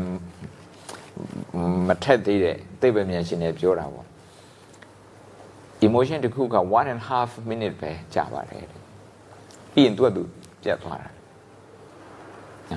သူများကိုအပြစ်ပြောတဲ့စိတ်အဲ့စိတ်လေးကိုသူအော်ဒီမှာသူများပြစ်ပြောနေပြီအဲ့လောက်လေးပဲ awareness ဖြစ်ငါဆိုးလိုက်တာဆိုသွားပြီးပြောရင်တော့ judgment ဖြစ်သွားတယ်ငါဆိုးလိုက်တာဒီအကျင့်ဆိုးရပြောရင်တော့အဲ့ဒါကသူက judgment ဖြစ်သွားအကောင်းဆုံးဝေဖန်ဖြစ်သွားတယ်အကောင်းဆုံးအဲ့တော့အကောင်းဆုံးဝေဖန်ပဲအရှိကိုရှိတန် လက်ခံလိုက်ဒီမှာသူများကိုသွားပြီးအပြစ်ဆုံးအပြစ်တင်မိနေပြီသူများအပြစ်တင်မိတဲ့စိတ်ကိုတိတဲ့စိတ်ကအပြစ်တင်တဲ့စိတ်မဟုတ်ဘူးအတိစိတ်ကဖြစ်သူကအပြစ်တင်တဲ့စိတ်ကစိတ်ထဲမှာအနာစာဖြစ်စေရင်အဲ့ဒီအတိက healing ဖြစ်စေတယ်အဲ့အနာစာကိုဟုတ်တယ်အဲ့ဒါကြောင့်တိတယ်တိတယ်တိတယ်ဆိုရင်အဲ့ဒီအတိရဲ့နောက်မှာပါလာတဲ့ဟာက ဟိုစာစကားနဲ့ပြောရင်တော့ Mac and 8ပါဆိုတော့အကုန်လုံးပါလာတယ်ပြောတာပေါ့ဒီမှာကျတော့ဘုန်းတော်တော့ mindfulness based mindfulness အခြေခံအခြေခံတာအခြေခံပြီးတော့ဘာဖြစ်လာတော့ခရောင်းကပြောတာ comprehension ဟုတ်လား comprehension အော်စိတ်ကဒီလိုဖြစ်တတ်တယ်ဖြစ်တဲ့အခါ pressure ဖြစ်တဲ့အခါမှာဒီဘက်သူများကိုဖြစ်တင်တတ်တယ်အဲကြောင့် ကိုကသူများကိုအပြစ်တင်တာလည်းပဲကိုကကိုယ့်ကိုပြန်ပြီးတော့အပြစ်ပေးမဲ့အစားကိုယ့်ကိုကရုဏာဖြစ်ဖို့ပဲခွင့်လန်းရှိတယ် whenever there's a problem there's always an opportunity သူက positive thinking ကိုဖြစ်စေတယ်တကယ်လို့ mindfulness ဒီတတိမဝင်ဘူးဆိုရင်တော့ whenever there's opportunity you always you always find problems အဆုံးမြင်လာမြင်နေမြင်နေတာပေါ့ ဒါကဒီလိုဟိုတခိုင်းတို့ဟိုရွှေမီကုမ္ပဏီလို့ decision တွေအကြီးလုပ်တဲ့ပုံကိုယ်တွေဟာဒီဒီ process ဒီ process ကသိလို့အပ်ပါတယ်သိလို့အပ်ပါတယ်အမ်ကိုဆုံးဥပမာဘုံဘုံတင်းနဲ့သုံးဆုံးဖြတ်ချက်ထဲမှာအကောင်းဆုံးရှိတဲ့ထဲမှာတတိယဟာကိုပဲရွေးမိတယ်ဆိုပါတော့ကိုကိုကို အော်တင်းနဲ့နဲ့မရွေးမိဘူးဆိုပြီးတော့တကယ်လို့အကိုကိုအပြစ်တင်ဒီအပြစ်တင်တဲ့အုံနောက်ကအပြစ်တင်တဲ့ emotion နဲ့အုံနောက်ကနောက်တစ်ခါအဲ့ဒီတတိယအဲ choice တဲ့ပို့ပြီးတော့ဆိုးတဲ့ဟာကိုရွေးဖို့အတွက်သူလမ်းဖွင့်ထားတယ်တကယ်လို့အော်တရားလေးဖြစ်သွားတယ်ဒါမျိုးဖြစ်တတ်တယ်ကိုကိုအဲ့လိုလက်ခံရတယ်ဆိုရင်နောက်တစ်ခါတင်းနဲ့နဲ့ choices ကိုရွေးဖို့အတွက်အခွင့်အလမ်းပို့များတယ်ဒါတွေအားလုံးကတတိတွေကြီးပဲတတိတွေကြီးအမ်ကရုဏာကြောင့်တော့ဒီနေ့အများကြောဖို့မရှိတော့ဘူးသူများတွေလှုပ်ထားတာလေ compassion focus therapy ကိုဘယ်လောက်ထိလှုပ်ထားတော့ဆိုအများကြီးလှုပ်ထားတယ်မဲ easy တောင်ရှိမဲ easy တောင်ရှိ ဒါကတေရတမင်းသားအုံနောက် Siddhartha's brain အများကြီးပေါ့ဒါမျိုးတွေဘုံဘုံတောင်ကြီးမှာချမ်းပြည်နယ်ဗုဒ္ဓတက္ကသိုလ်မှာစုထားတာဟိုရာနဲ့ချီမဲ့ထင်တယ်မြို့ပေါင်းထိုက်ထိုက်ပါအခုကျတော့အရန်ကို popular ဖြစ်သွားတာပေါ့ scientific မတင်တယ်မှာ community တဲ့